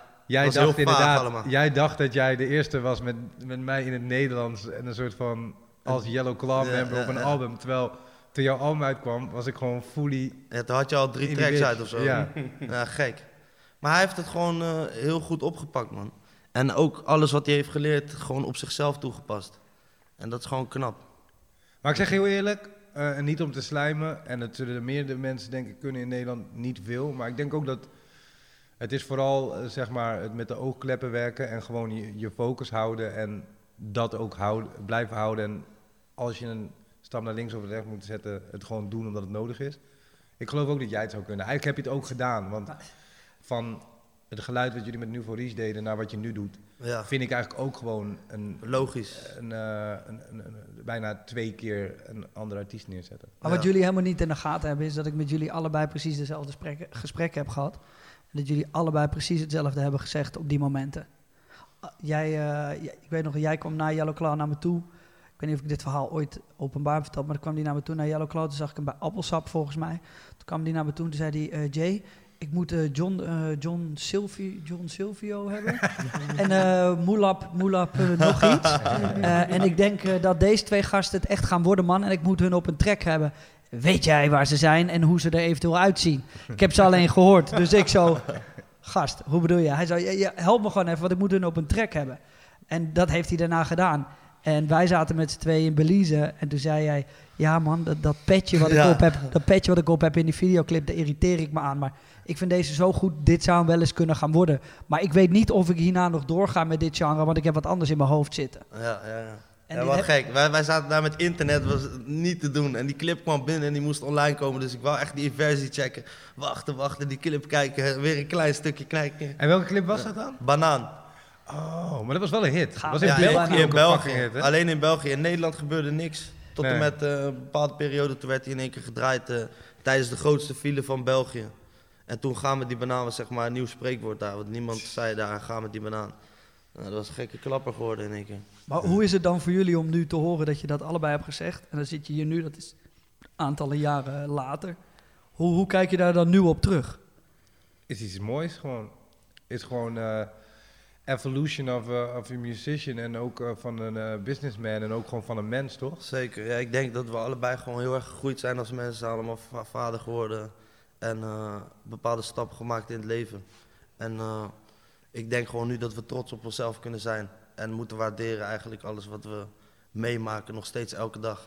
Dat moet je nooit vergeten. Nee, precies. Geblest En opstaan. aan de ene kant zijn we heel erg veranderd. En ik denk aan de andere kant ook, voor mijn gevoel, maar dat is omdat we echt elkaar lang kennen en ook ja, telkens op regelmatige basis blijven, blijven zien, zeg maar. Zijn ook weer helemaal niet veranderd, toch? Nee. Jullie mogen ook zo tong hoor, met z'n tweeën. Ja, wij, gaan zo, wij gaan zo heel heftig. nee, maar het is gek. Maar als je dat soort dingen vraagt, dan heb je er nooit zo over nagedacht. Nee, Dus ja, dan- maar dat, ja, maar dat vind ik dus het, het allermooiste. Dus daarom wou ik ook jullie... eh, ik heb jullie allebei gebeld. Ik, maar als ik deze twee bij elkaar zet... dan komen er gewoon fucking mooie verhalen uit. Omdat ik eigenlijk... Jullie, jullie verschillen qua muziek echt gewoon... Ja, dat is echt zo ver uit elkaar. Maar jullie Ja. hebben allebei dezelfde drive getoond. En op een, het bijna dezelfde moment iets anders gezegd. Maar het komt op hetzelfde neer. En dan zit je hier nu... eh, tientallen eh, miljoenen plays en, en, en optredens later. En zeg jij nu ook, ja, we zijn vader. Weet je wel, het is heel anders. En dat is eigenlijk meteen het bruggetje. Ja, dat- hoe, hoe anders was het leven? Weet jij nog, die, die, daar was je ook bij, toch? De videoclip. Ehm, dat we, volgens mij was dat Nooit meer slapen, dat we die truck hadden waar we in gingen chillen. Dat ook uh, Rotjoch binnenkwam met uh, Jägermeister. Oh ja, ja, ja, ja, ja, ja. Zeg maar, ik moet heel vaak aan dat moment denken, omdat het was zo... Wat het was dit voor toen- moment? Dit was gewoon een moment dat we eigenlijk een soort van mobiele kleedkamer, omdat we buiten schoten. Ja. Ik weet niet eens meer waar, ergens of zo. Volgens mij wel bij Amsterdam of zo ergens. Ja, we hadden gewoon op een buitenlocatie en we hadden een eh, soort van ehm, tourbus geregeld, al- al- als soort van kleedkamer. En wij werden toen gesponsord door Jägermeister. Ja. ja. en toen had je de Hydro Boys, Ja, ja. Mokromaniac, die Ja. zat in die tune. Hydro. Je Maar broer- iedereen was daar. Ronnie, Iedereen was er, ja. Ronnie's hele squad, heel Nouveau En we zaten met z'n allen gewoon in die bus. En het was gewoon fucking grappig. Het was super. Het was echt, ik denk tien uur. Nee, het was nog vroeger. Het was echt acht uur 's ochtends. Fucking koud. Echt de dauw kwam uit. uit, uit eh, als je die bus uitstapte, zag je gewoon alle dauw uit je mond komen. Ja. En er werd alleen maar jonko gerookt en En gedronken. shotjes uit die... Ja, ik weet niet meer. Ja. Die Rotjoch als eerste. Ah! Ja, die kwam Rotjoch was binnen. altijd als eerste. Nee, ik weet nog wel eens dat ik bij BNN het pand binnenkwam lopen en dan dacht ik dat hij... Oh, ik- jij bent vroeg? En zei hij, nee, ik ben er nog. Ja, shout-out naar Rotjoch. Ja, ja, shout-out naar Rotjoch. Hij is echt een legend. Is, hoe even gewoon even uitstapje. Hoe belangrijk is hij geweest voor de Nederlandse hiphop? Want ik hoor net natuurlijk de verhalen dat jullie, eh, eh, Ronnie, Nouveau Riche, eh, Hydro Boys, daar was Rotjoch natuurlijk flink bij betrokken. Mhm. Jullie zaten allemaal in één kleedkamer. Dat, dat was echt het soort van. Toen besefte iedereen ineens van, hé man, Nederlandse hiphop, holy fuck, we zijn iets aan het doen Ja, wat niet normaal is. En daar zat hij natuurlijk middenin. Ik werkte toen bij 101 Bars. Ja. Ik zag het van dichtbij mee. Ik, ik kon het van dichtbij meemaken. Maar jullie als artiesten, hoe belangrijk was hij toen? En hoe belangrijk is 101 Bars voor de hip-hop-revolutie geweest? Ik denk super belangrijk. En tot de dag van vandaag nog steeds poppen daar gewoon eh, gekke talenten op. Telkens weer. Kijk het Hij, weer. hij, hij was al voor ons bezig eh, en actief. Eh, hij pakte eigenlijk het gedeelte waarin wij bezig waren ook mee, omdat hij toen manager was van Hydro Boys en ook van Mokromaniac, die eh, ehm, ook echt een fucking goede bijdrage was. En de. Ja. En ja, hij is nog steeds heel relevant en belangrijk voor, voor wat er nu gebeurt. Want ja, As We Speak staat volgens mij in trending top Ja. 5 iets van 101 bars of zo. Ja. Is, eh, is in de building de eerste grote hip-hop club hit geweest? Nee. Nee? Je had voor mijn gevoel wel. Oh, ja. ja, genoeg man. Je had eh eh Maar, ik snap wel wat je bedoelt. Het was wel heel anders. ja man, weet je nog dat filmpje dat, dat uit, eh, uit de Jimmy Woo? Dat ik dacht bij mezelf, hè? Ze draaien hip-hop in de Jimmy Woo? Ja, En iedereen gek. ging in de building als je die opzoekt op Ja, dat was wel echt een soort van Southside Trap-achtig. Ja, eh, ja, ja. Wat, wat gewoon... Maar dat, dat was zeg maar aan het begin van Yellow Claw en Nouveau de muziek die wij maakten. En in de building had het ook. Vroeger in Jimmy Who werd echt alleen maar Engelstalige muziek Ja. gedraaid. En dan zat, zaten wij ertussen, Yellow Claw ertussen en bijvoorbeeld in de building. Omdat het zeg maar qua BPM's was het makkelijk draaibaar en, en het hield de avond gaande zeg maar. Dat is echt gek geswitcht. Nu, nu als je naar de club gaat hoor je denk ik 70, 75 procent Nederlandstalige muziek. Dat is gek man. Ja, Ja, dat Ah, het, is nu gek. weer, het is nu weer aan het eh, switchen trouwens. Want Ja. nu begint weer de...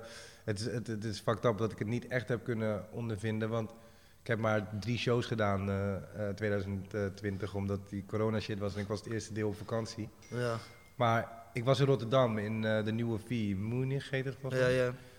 Daar werd mij wel echt gezegd van, ja, wordt wel echt... eh want ik hoorde het ook, ik hoorde DJ's draaien. Ik hoorde in één keer weer echt veel hip-hop R&B wel. Maar Engelstalig, het viel me echt op gewoon. ja. En toen zei ik er van, yo, what's up? En toen zei ze wel van, ja, het is weer een beetje, de mensen willen weer de Amerikaanse shit horen. Dus het is volgens mij weer een beetje aan, aan, het, aan het draaien. Maar dat vind ik alleen maar vet. Want ook juist voor wat ik straks ga droppen als clubmuziek, is ook weer echt een andere sound als wat mensen van me gewend zijn. Los van het benieuwd. dat ik nu door corona hele andere muziek aan het droppen ben als wat mensen van me gewend zijn. ehm, gaat dat ook wanneer de clubs open eh, gaan weer zo zijn. En dat, ja. Ja, het is sowieso een ding nu, denk ik, dat, dat de muziekconsumptie heel erg verandert. We hebben de clubs die niet meer open zijn, festivals zijn niet meer open. Dus ja. wat is nog een clubrammer, wat is een festivalhit? Ik Ja. vind het ook, ik vind het ook, dat moet ik wel zeggen. Want ik zat, het eerste wat ik aan dacht was van, hoe fucked up is het? Het is natuurlijk altijd leuk om door te breken als artiest. Maar als jij in het coronajaar... Ja, als je nu een als hit dat, hebt. Oh. Als dat je jaar moet zijn, Ja. als dat eigenlijk je... Ik vind het bijvoorbeeld voor een artiest die bij jou zit, zeg maar Snelle, Ja, dat is- denk ik wel van, oeh, dat, dat moet wel echt pijn doen. Want je was je wel hard aan het maken om, om even aan het eind van het jaar te roepen van... eh, nou, ik ben fully eh, miljonair. Ja, die agenda was gek. Ja, maar hoe, even voordat we naar Snelle toe gaan. eh, want ik denk niet dat iedereen dat weet, is dat jij Snelle hebt getekend bij Rock'n'Rolla. Mhm, Dat is jouw eigen platenlabel. zeker. Hoe is dat gegaan? Nou, ik begeleidde hem eh, op de Herman Brood Academie als leerling. En hij was altijd al een beetje anders dan de rest. En hij wilde echt heel veel weten. Na de les kwam hij naar me toe en dan vroeg hij nog om tips en weet ik veel wat. Hij hield niet echt van mijn muziek speciaal, maar hij snapte mijn werkethiek en, en hoe ik dingen aan het branden was en alles. En dat leerde ik zo ook in de klas, maar hij wilde altijd net iets meer weten. En ik heb hem altijd zeg maar gevolgd en hij was echt aan het vormen naar wie hij nu is. Maar toen was hij heel erg beïnvloedbaar door Ronnie Flex, Broederliefde en weet ik veel wat allemaal. En uiteindelijk ging hij zich gewoon afschermen van de rest. Hij wou ook geen muziek meer horen van mensen uit de klas. En toen heeft hij gewoon een soort van eigen stijl gevormd. En toen is hij uiteindelijk van die school afgegaan en hij heeft me eh, de hele tijd muziek gestuurd. Ik ging ernaar luisteren en toen ik het voorgesteld bij de rest. Naar gaan luisteren en toen drie meetings gehad of zo. En ehm, ja, hij werkt gewoon zelf ook teringhard, weet je. Dus iedereen was daarna ook wel snel overtuigd van... het is niet een artiest die zegt, hier heb je een plaat, wat gaan we doen? Hij heeft zelf ook de hele mindstate, net als dat ik het heb... of zoals Busy het heeft, hij snapt het, weet je wel. Dus eh, zo zijn we een toffe samenwerking aangegaan. En dat heeft het eigenlijk gebracht met waar we nu zijn. En dat is gek. Zo gek had ik het ook niet verwacht. Want ik weet nog dat we echt... Zo gek kan je ook niet verwachten. Nee, ik weet nog dat we echt aan het kijken waren, maar waar kan hij shows gaan doen? Dus dat was meer poppodia of festivals, weet je. Maar Het was nog moeilijk. was nog moeilijk. ja, denken, en dan uiteindelijk staat hij nu met een soort van... eh, met Scars stond hij gewoon in alle clubs Ja, in één keer. sick. Dus het is, allemaal Zel- bobbing. Zelfs Q, Q Music draait hem. Ja, Ja, maar dat is wel waar naartoe Zometeen naar de Ja. reclame. ja en voor, voor mij was het tof van, van weet je, al- ik, ik geloofde in mezelf en dat is gelukt. En nu geloof ik in, in, in hem. En dat lukt ook. En zo heb ik nog meer parels waar, waar, waar ik echt in geloof. Zoals? Gianski, Russo, eh, Adoza, Outsiders gaat al heel hard. Weet je, er zijn echt mensen, ik vind het leuk om echt van niets iets te maken. Dus Jam is ook een legend hè, van Outsiders. Jam is zeker, zeker, zeker. Ja. Ja, maar het zijn allemaal le- leuke mensen om mee te werken, superveel honger. En zeg maar, door hun honger krijg ik zelf ook meer honger. En ik ben dus, als ik hun dingen zie bereiken, ben ik gewoon trots, weet je. Ik kan er naar kijken dat ik denk van, ja, weet je, toen eh Snelle zo'n eh, Edison won of zo. Dus dan ben- denk ik toch wel van gek, weet je wel, het is vet. Kan, je daar, ben je daar, kan je daar echt dan ook meer trots op zijn nu? Ben je dan op dat niveau dan op wat je zelf doet? Kan je dat aan de kant zetten en denken? Ja, fuck, zeker. Ja? Zeker. Ik weet dat ik geen muziek maak die op nummer 1 komt of hoog in de charts of weet ik veel wat. Nee. Ik heb gewoon mijn stijl en dat is niet speciaal radiogericht of weet ik veel wat. En ik En ben het het zou ook, zomaar wel kunnen. Maar het dat zou zomaar wel kunnen. Tuurlijk. Maar ik ben het ook zat om echt te gaan. Ja, dit moet voor de radio of dit moet daar, dit moet daar, weet je. Het kan Ja. wel zijn dat ik iets heb gemaakt dat ik denk, ja, die zou het misschien goed doen op de radio of zo. Traag is toch ook totaal geen radiotrack, maar werd dan op, op een gegeven moment ook door iedereen gedraaid. Ja, daar kon je gewoon niet meer omheen. Het was ook met Spotify hoor. Het was niet alleen radio. Spotify wilde hem ook niet in playlisten stoppen. Daar konden ze gewoon een tijdje niet omheen. Nee. Maar wat, wel, wat ik wel eh, eh, sick vind, is dat eigenlijk, zeg maar, ehm, naast dat Snelle gewoon een heel erg eigen geluid heeft, is het ook wel precies wat nu nodig was Ja, of zo. een soort verademing. Hij, heeft, hij heeft eigenlijk, eigenlijk heeft Sneller gedaan wat jullie allebei hebben gedaan. Ja, gewoon. Is, jij hebt een eigen hoek gecreëerd. Ja. Jij hebt een eigen hoek gecreëerd. En ik denk dat Sneller nu ook zijn eigen Ja. hoek heeft. Het enige wat ik, eh, wat ik kan, wat ik, het enige wat ik kan vergelijken met iemand die dat een keer ook heeft gedaan, wat dan wel heel dicht bij diegene zichzelf was, vond ik eh, Lil Craney. Ja, Die kraantje. track. Ja. Ja, dat heette Lil Craney, toch? Ja, Dat ja, Lil eh, Craney. Ja, ja, hey, dat zat Lil ook. Craney, hoe gaat het? Dat had natuurlijk ook gewoon een snelle track kunnen zijn. Oh, zo ja. Alleen hij had het dan gewoon één even zo eentje gedropt. Wat gewoon heel erg klopte. Maar verder is gewoon alles wat nu een beetje in die trend klopt, is van, of wordt gedropt, denk ik gewoon van ja, er is iemand die heel geforceerd nu eh ja. sneller probeert te doen. Hij heeft muziek liggen, is niet normaal. Weet ja, je, klopt. bij- Maar hij is wel ook nu, die, die corona-moeilijkheid heeft hij wel nu. Want hij zou nu toch, eh, eh, ja. hij had zichzelf zo'n miljonair kunnen spelen deze zomer. zeker. Maar hij zit wel goed hoor. Maar hij wou sowieso al wat minder shows gaan doen. Omdat hij best wel gesloopt was, omdat hij ook clubshows doet. Deed. In het plan Dus stond al van laten we 2020 gewoon nul shows doen. Nee. nou, hij is wel minder van, van eh, hij houdt wel van shows geven, maar dan wil hij met de hele band en weet ik veel wat allemaal. Maar van waar komt hij? Wat, eh, wat best grappig is, ik ben, zijn vader, ik ben zijn vader eh, tegengekomen in de sportschool. Ja, ik Wow, zag ik dacht even dat jij hier ging zeggen dat hij zijn vader was. Nee, maar ik weet niet wat voor achtergrond hij heeft. Want Kijk, wat ik bijvoorbeeld wel merk is bijvoorbeeld bij eh ehm, Jan Felix. Die is ook, ook heel geduldig.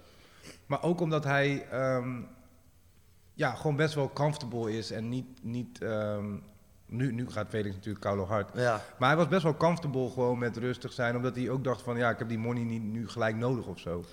nou, hij, voordat, eh, voordat hij doorbrak, Lars, was hij eh, gewoon nachtportier bij een ding. Gewoon zijn geld. En, eh, moest zijn huisje betalen. En zo heeft hij gestreden eigenlijk. Overdag studio en s'nachts werken. Sick. Dus hij heeft het ook gewoon zelf opgebouwd. Ja, maar dat weet volgens mij niemand echt, toch? Nee, hij heeft dit wel eens over gehad. Is het niet ook zo dat, dat alle artiesten die gewoon dit jaar geboekt stonden voor al die festivals, het wordt gewoon een jaar opgeschoven in de meeste gevallen. Dus eigenlijk als je nieuw talent bent geweest die eigenlijk nu in je hoofd was je bezig met volgend jaar wil ik bevrijdingsdag doen, dan heb je gewoon heel veel pech. Ja, heel veel dingen worden wel opgeschoven. Maar ik denk dat er ook een hoop kapot gaat, man. Het is ook relevantie, man. Het is gewoon, er komt gewoon nog steeds muziek uit hè, en steeds Ja. meer. En Er zijn wel, er zijn heel veel die blind, tenminste in mijn geval is inderdaad heel veel gewoon echt regelrecht verschoven. Maar eh, wat ik ook zelf doe, is dat ik ook onder een bepaalde fee zeg ook gewoon van, eh, die, die, die, dat, dat, dat kijk ik volgend jaar zelf wel, weet je wel. Zeker. Dus Ik denk ook zeg maar dat het nu aan de artiesten is om ook een aantal clubs die altijd loyaal naar mij zijn geweest, om die clubs te gaan helpen. Ja, dat Zo heb ik ook. eh, Dus ik heb bepaalde clubs waar ik al zes jaar kom of zo. Weet je, dan ga ik niet nu zeggen, oké, betaal de hoofdprijs. nee, Nee, Fit laten, for Two, laten we eh, zelf die tent gewoon een slinger geven. man. Jij gaat de opening doen, toch? Van Film for Two. Ja, ja. maar jij hebt toch bij die seksclub ook een paar keer gewoon opgetreden? Ik ben daar uitsluitend als eh, consument. eh, maar is, is er een tijd geweest, want ik denk dat er hiervoor, voordat deze shit allemaal begon, zaten jullie allemaal wel met, eh, als artiesten op vies waarvan ik dacht, holy shit. ja, dat gaat, dat gaat sowieso minder worden. Zeker man. Wat was dan de, wat, wat, is de, de hoogste fee buiten Yellow Claw om? Eh, want dat ging naar de tonnen. Wat, wat, wat zou je normaal voor, wat echt wel eens gek waarvan je dacht, ja, dat mensen dit betalen, dat is gek. Ja, ik vind, ik vind 15k, 20k, dat, dat vind ik wel on-Nederlandse bedragen. Dat was ik niet gewend als solo-artiest. Ik heb ook in Duitsland shows gedaan voor die bedragen wat hij noemt. Ja. Dat is gek. Hoe anders is Duitsland? Anders. Ja? ja. Ja, het is heel anders, man. Weet je, kleine dingen eh, in Duitsland is... Mensen zijn echt fan. In Nederland is fan bijna een kneus. Ja. Snap je? Ik, eh, z- een t-shirt lopen met je favoriete artiest doe je hier niet graag. Terwijl in Duitsland staan ze vooraan, zie je niet. Ik heb godverdomme jouw t-shirt aangekeken. ja. Weet je, ze kopen de merchandise direct uitverkocht. Plus, eh, ja, mensen feesten daar nog net iets harder. En voor hun ben ik daar, of was ik daar, die nieuwe guy. Dus iedereen komt weer echt kijken, what the fuck, wie is het? Is het een DJ? Is het een ufo? Is het. Wie is dat? Je broer, ik wil het zien. Ik wil hem aanraken. Weet je, en dat, dat nieuwe, dat is eigenlijk eh, het tofste wat er is. Snap je? Die nieuw guy positie. ja. Dat is het leukste. Het leukste is, is om nieuw te zijn, dat iedereen wil je checken. Ja, maar dat bedoelde ik ook met, met Sneller net. Van dat, Ja. dat is volgend jaar niet zo. Nee, zeg nee, maar. nee, nee, Dus nee. dat is wel jammer dat je dat, want dat Ja, nieuwe dat is echt zijn. jammer. Ja, ja, dat is- Je wordt dan ineens, eh, zeg maar, iedereen, zelfs de organisatie is een soort van zenuwachtig om je. Om, om je te ontvangen. Ja, hoe is die? Weet Hoe je is wel? die? Alles staat klaar. Is het wel goed allemaal? Weet je, dat is tof. En dat, dat maak ik dan nu in Duitsland weer mee. Nu weten ze gewoon dat ze klappen krijgen als die dom Ja. Staat hij niet koud? Ja. Hoe eh, Duitsland, als je daar dan optreedt, is dat, is, dat, is dat dan voor veel meer mensen dan in Nederland? Is dat veel groter, veel intenser? En, want ik, ik, ik denk bij mezelf, ja, hoe serieus moeten we dit Duits nemen? Weet je wel? Dat, is- Het doodserieus. ja, ja, I, don't know, weet je wel. Ja. Ik zie je daar niet optreden. Ik Ja. krijg daar weinig van mee. Nee, ik heb daar echt hele grote shows gedaan, ja. Stadions. Nee, maar jij Dat je, heb je ik- kan het ook, je kan het ook zien. En ik weet het voor een fact ook, omdat ik ook eh, in Duitsland eh, door Traag eh, veel in eh, ehm, Turks georiënteerde clubs optrad. Ja. En dan zag ik wel eens in de steden gewoon eh, iets van jou hangen, een poster of eh, dat ik dacht van, hé. Hey. maar het is het is, het, je kan het ook faken, want er zijn artiesten in Nederland, zeg maar DJ's, die pretenderen dat ze een soort van internationaal succes hebben. Die Ja, dat ja, helemaal niet Ik weet over wie het hebt ook nog. Ja, dat is toch grappig. Over wie hebben we het dan? Ja, Ik weet het niet. ik ook niet. Hij heet niet eh Inot. Nee? Inot is niet zijn naam. Oké. Niet. Niet. Oké, nou dit is een topgesprek. Ja. Weet jij hoe die heet? Nee. Jij weet precies over wie ik het heb. Hij wil het van jullie horen. nee, nee, nee, nee.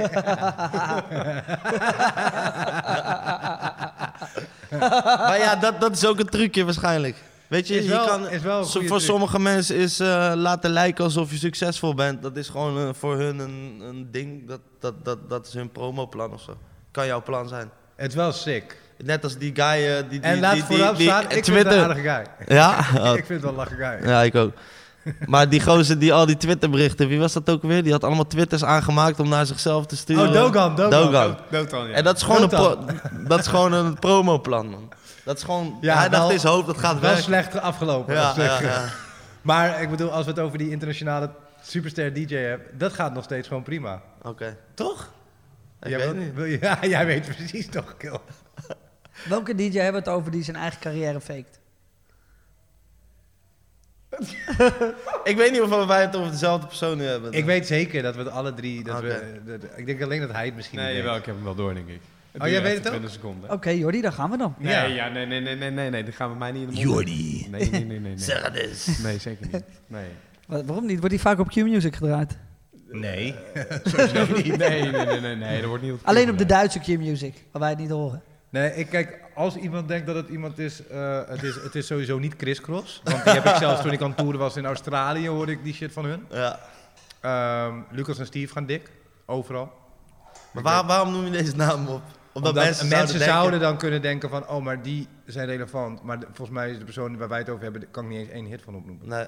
Nee, en eh, als je het over één persoon hebt, dat waren eh, groepen. Dat zijn eh Ah ja, klopt ja. Lucas drie, en Steve. Lucas en Lucas- Steve. dus, maar voor de rest alles prima hoor. Gewoon even, laten we een conclusie trekken. Hij doet het dan uiteindelijk, hoe hij het ook doet, doet, hij het prima. goed, op zijn manier. Hij blijft relevant. Uiteindelijk heeft hij een mooie klok om zijn pols. Kunnen, Ja, nee, ja. kunnen, jullie, kunnen, Daar kunnen, gaat het om. kunnen jullie de hossel respecteren? Ja, ik kan de Hey. respecteren. Ik respecteer elke grind, man. Elke grind mogelijk. Of het slim is allemaal, weet je niet, toch? Nee. Hey, maar over dat internationaal gaan, want, want jij hebt eigenlijk al vaak genoeg gezegd dat toeren, dat, dat in het buitenland hoeft voor mij niet meer. Maar jij Nee. gaat natuurlijk ook knijterhard in de... Turkije. In, in Nee, nou, dat is, dat is, laat, laat duidelijk zijn dat het al lang voorbij Turkije alleen is. Maar eh, Turkije ga ik ook lekker inderdaad. Nee, nee, ik- ik ben nu aan het opscheppen. Maar ehm, het, is, het is gewoon, met toeval is het, eh, is het inderdaad ook ehm, niet alleen in Turkije, maar echt over de hele wereld viraal gegaan. Ewa en Traag doen het vooral heel goed, ook in Zuid-Amerika en Noord-Amerika. En ik ben wel ehm, net voor de lockdown, om het maar even te zeggen, Ja. eh, ben ik nog even in Miami geweest. Heb ik wel gezeten met, eh, met het team weer van eh J Balvin. Skrillex, zag ik toch? Met Skrillex heb ik gezeten, Michael Bay en eh, Sky Rompiendo. En dat is wel vet, want deze gasten nemen mij dus op een of andere manier fucking serieus. Terwijl, ja, ik, Je neemt jezelf niet eens serieus. ik snap er niks van, maar ze nemen mij echt heel serieus. En ik heb zelfs gewoon echt goed contact met J Balvin. En ja, normaal gesproken zou ik dit nooit in een interview zeggen, omdat ik best wel zo denk van, nou, eerst zien dan gebeuren. Het boeit mij eerlijk gezegd niet eens zo heel veel. Het lijkt me gewoon fucking grappig als ik gewoon een tune heb met J Balvin. Maar Ja, die kans is wel heel groot het allerkutste is straks. dat ik hem hier dus belachelijk om aan het maken was. Eh, eh, J Balvin, hij zegt ja, J Balvin, ik zou lul niet. En toen zaten we de Super Bowl eh, was op. En eh, ik zeg net, ik zei tegen Leo van, want dit was in Bali. En wij, ik zat met Kelvin de Super Bowl te kijken. Toen kwam ik terug bij, eh, bij de villa. En toen zei ik, ja man, eh, ik zag net eh, je vriend. Je vriend J Balvin bij de Super Bowl. En toen zei hij, oh ja, hij heeft me net nog gedM'd Ah, op ja, Instagram. ja. Dus ik zo, lul niet. Hij zei, ja kijk, en toen had hij gewoon een DM'tje van J Balvin. Terwijl hij dus in de kleedkamer voor de Super Bowl zat. Hij- Dus maar, maar hoe, hoe, hoe is dit dan, dan hoe, hoe komt zoiets tot stand? Doen ze jou dan gewoon bellen? Zeggen ze, hey, Het- Leo from Holland, I love your music. Hey, Leendert, Pieter Gerardus, Roelandschap.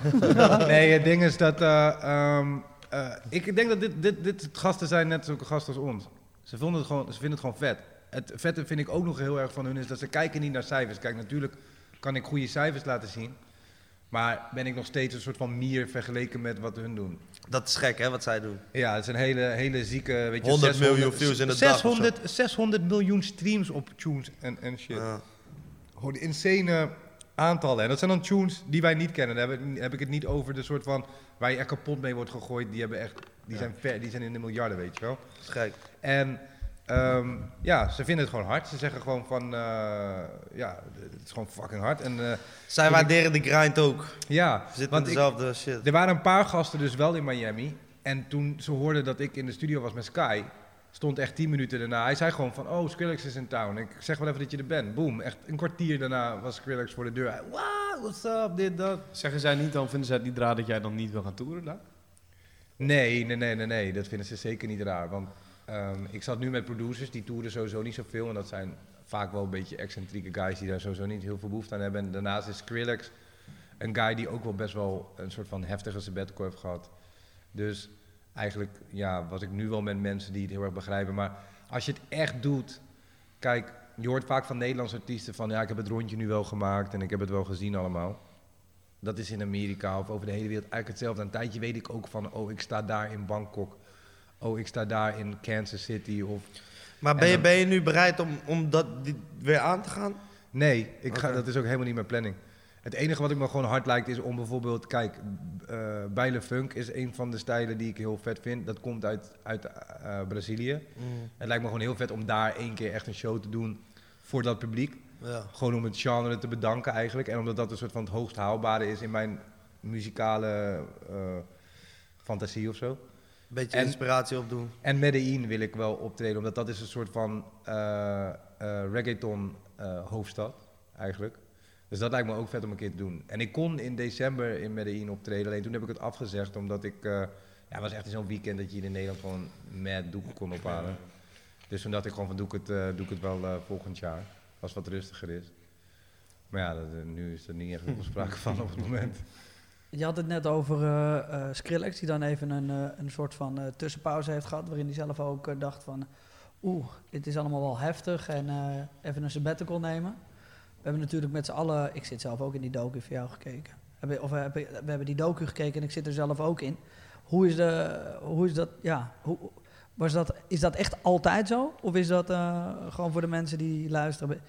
Je- Ging je daar door een fase heen? Nee, En- ik en ik, heb, ik heb wel een vraag, vraag daarover. Zeg maar, Ja. van wa- waarom wou je dat laten zien? Ik wilde dat helemaal niet laten zien. Laat dat voorop staan. Ik had een docu, eh, ik stapte daarin. Ik dacht van, eh, nou, ik ga een keer een wat excentriekere, serieuzere kant van mezelf laten zien. Omdat mensen denken van, ah, Busy maakt allemaal een soort van bijna skihut-esque-achtige urban, zeg maar. En ik dacht van, ik ga even laten zien wat eigenlijk de gedachte echt erachter is. En ik wil wel eens een keer een kleine kijk- kijkje geven in de keuken. Maar ja, dat is voor, ik, voor eh, mensen best wel verwarrend. Van, Eh, je ziet hè, jou zo, zo daar en dan zie je gewoon, hij moet het toch goed hebben, weet je. En dan Ja. zie je dat. Ja, maar dat, dat gedeelte was niet het kijkje in de keuken wat ik ze wilde geven. Ah, oké. Dat, ik, ik heb gewoon een eh, heel moeilijk jaar gehad, eh, persoonlijk. En ehm, dat kwam gewoon doordat ik mezelf voorbij liep. Ik heb eh dierbaren verloren. Eh, weet je, mijn opa is overleden. En ik heb eh, ehm, helemaal geen tijd ervoor genomen. Eigenlijk alleen maar door. En ik denk vooral op wat jij in het begin zei van, zijn jullie wel eens bang? Nou, ik denk op de angst om inderdaad het succes te verliezen. Of om mijn gezin eh, niet te providen van wat ik denk dat de maatstaf is. Dus eigenlijk veel te hoge eisen aan mezelf gezet. En ik weet ook niet wat er aan de hand was, maar ik dacht in mezelf, en op dat moment stond ik letterlijk op nummer 1 en 2. Met eh, Drup en met ehm, eh, Chris Cross, Amsterdam, met die ehm, Hij is van mij. En in mijn hoofd ging het fucking slecht met mij. Zeg maar met mijn carrière. Ja. Ik dacht gewoon van, Fuck dat, bro. het gaat niet goed. Dus ik weet niet wat er was. Ik had een soort van twitch en eh, ehm, ja, daar heb ik me echt in een depressie eh, doorgevoeld. En eh, ja, Maar dat was is, die dat is do- vastgelegd. Was die docu gepland, zeg maar, in een periode dat eigenlijk kut was, zeg maar? Nee, Of was die, die docu eh, gepland die docu om- was al gepland en het onderhandelen duurde wat langer. Ah. Omdat ik gewoon, ja... je weet Maar het had ook een hele andere periode kunnen zijn, de documentaire. De documentaire had, had voor mij eh, liever een andere... Ik had liever een andere, andere Of ding zochten jullie zien. naar een soort drama? Een Nee, docu- nee, nee. De- We zochten wel naar een verhaallijn, maar niet naar drama. Ja. Maar, maar zijn jullie dan niet bang dat, want nu zitten we met z'n allen stil en thuis en het is voor heel veel mensen denk ik heel goed, omdat ze nu even tot rust komen. Eh, nou, JJ, we hebben het hier ook al eerder over gehad. Maar als zometeen iemand weer op die knop drukt, gaan jullie dan niet alsnog veel te hard? Eh, En ik, juist ik misschien nog gebruik juist harder? deze tijd. Ik ben, ik ben best wel in een soort van. eh het klinkt koud of zweverig, maar ik ben best wel in een soort van spirituele zo- zoektocht eigenlijk. Ik vind het gewoon heel vet. Ik ben altijd met sport heel veel bezig geweest, maar ik heb eigenlijk mijn hoofd nooit heel erg getraind of zo. Alles soort van, gewoon van, je weet toch? Ja. Happy go lucky best wel. Ja. Ik had wel plannen en zo en dat was wel uitgedacht, maar als ik gewoon echt naar mezelf kijk, naar hoe ik mijn gezondheid in mijn hoofd bijhield, was ik, stond ik niet bij stil. Ik dacht ook al van eh, een psychiater of whatever, dat is een kwakzalvers, weet je wel. En nu ben ik best wel een soort van, ja, gefocust daarmee bezig, eigenlijk op de manier hoe ik ook elke dag de sportschool inga. Komt dat dan ook omdat je terugkijkt op de docu en dat je zelf zo ziet en denkt bij jezelf, shit, hier moet wat gebeuren? Natuurlijk, want dat is, het is sowieso onnatuurlijk om een docu te hebben van een normaal mens. En ik vind mezelf ook een normaal mens, maar ik heb dan toevallig wel een docu over mezelf. Het is heel raar dat dat, dat, dat zo wordt vastgelegd en dat je dat dus later kan terugzien. En dan moet u beseffen dat ik nog de versie heb gezien waarvan ik de helft eruit heb laten halen, omdat het gewoon te pijnlijk was om te zien. zeg maar. Ja. Dat is confronterend en daar ga je wel met jezelf aan de haal, zeker. En je- ja, weet je... mijn- Waarom mijn- laat je die docu dan uitzenden? eh, omdat ik eh, uiteindelijk wel een contract met RTL had, eh, dat, het wel, dat er een versie de deur uit moest, zeg maar. Had je het anders niet gedaan? Nee, anders had ik het niet gedaan, nee. Heb je er nog spijt van nu? Eh, nou, nee. Ik denk dat ik nu dan wel weer op een punt ben dat ik er geen spijt van heb, maar ik vind het wel...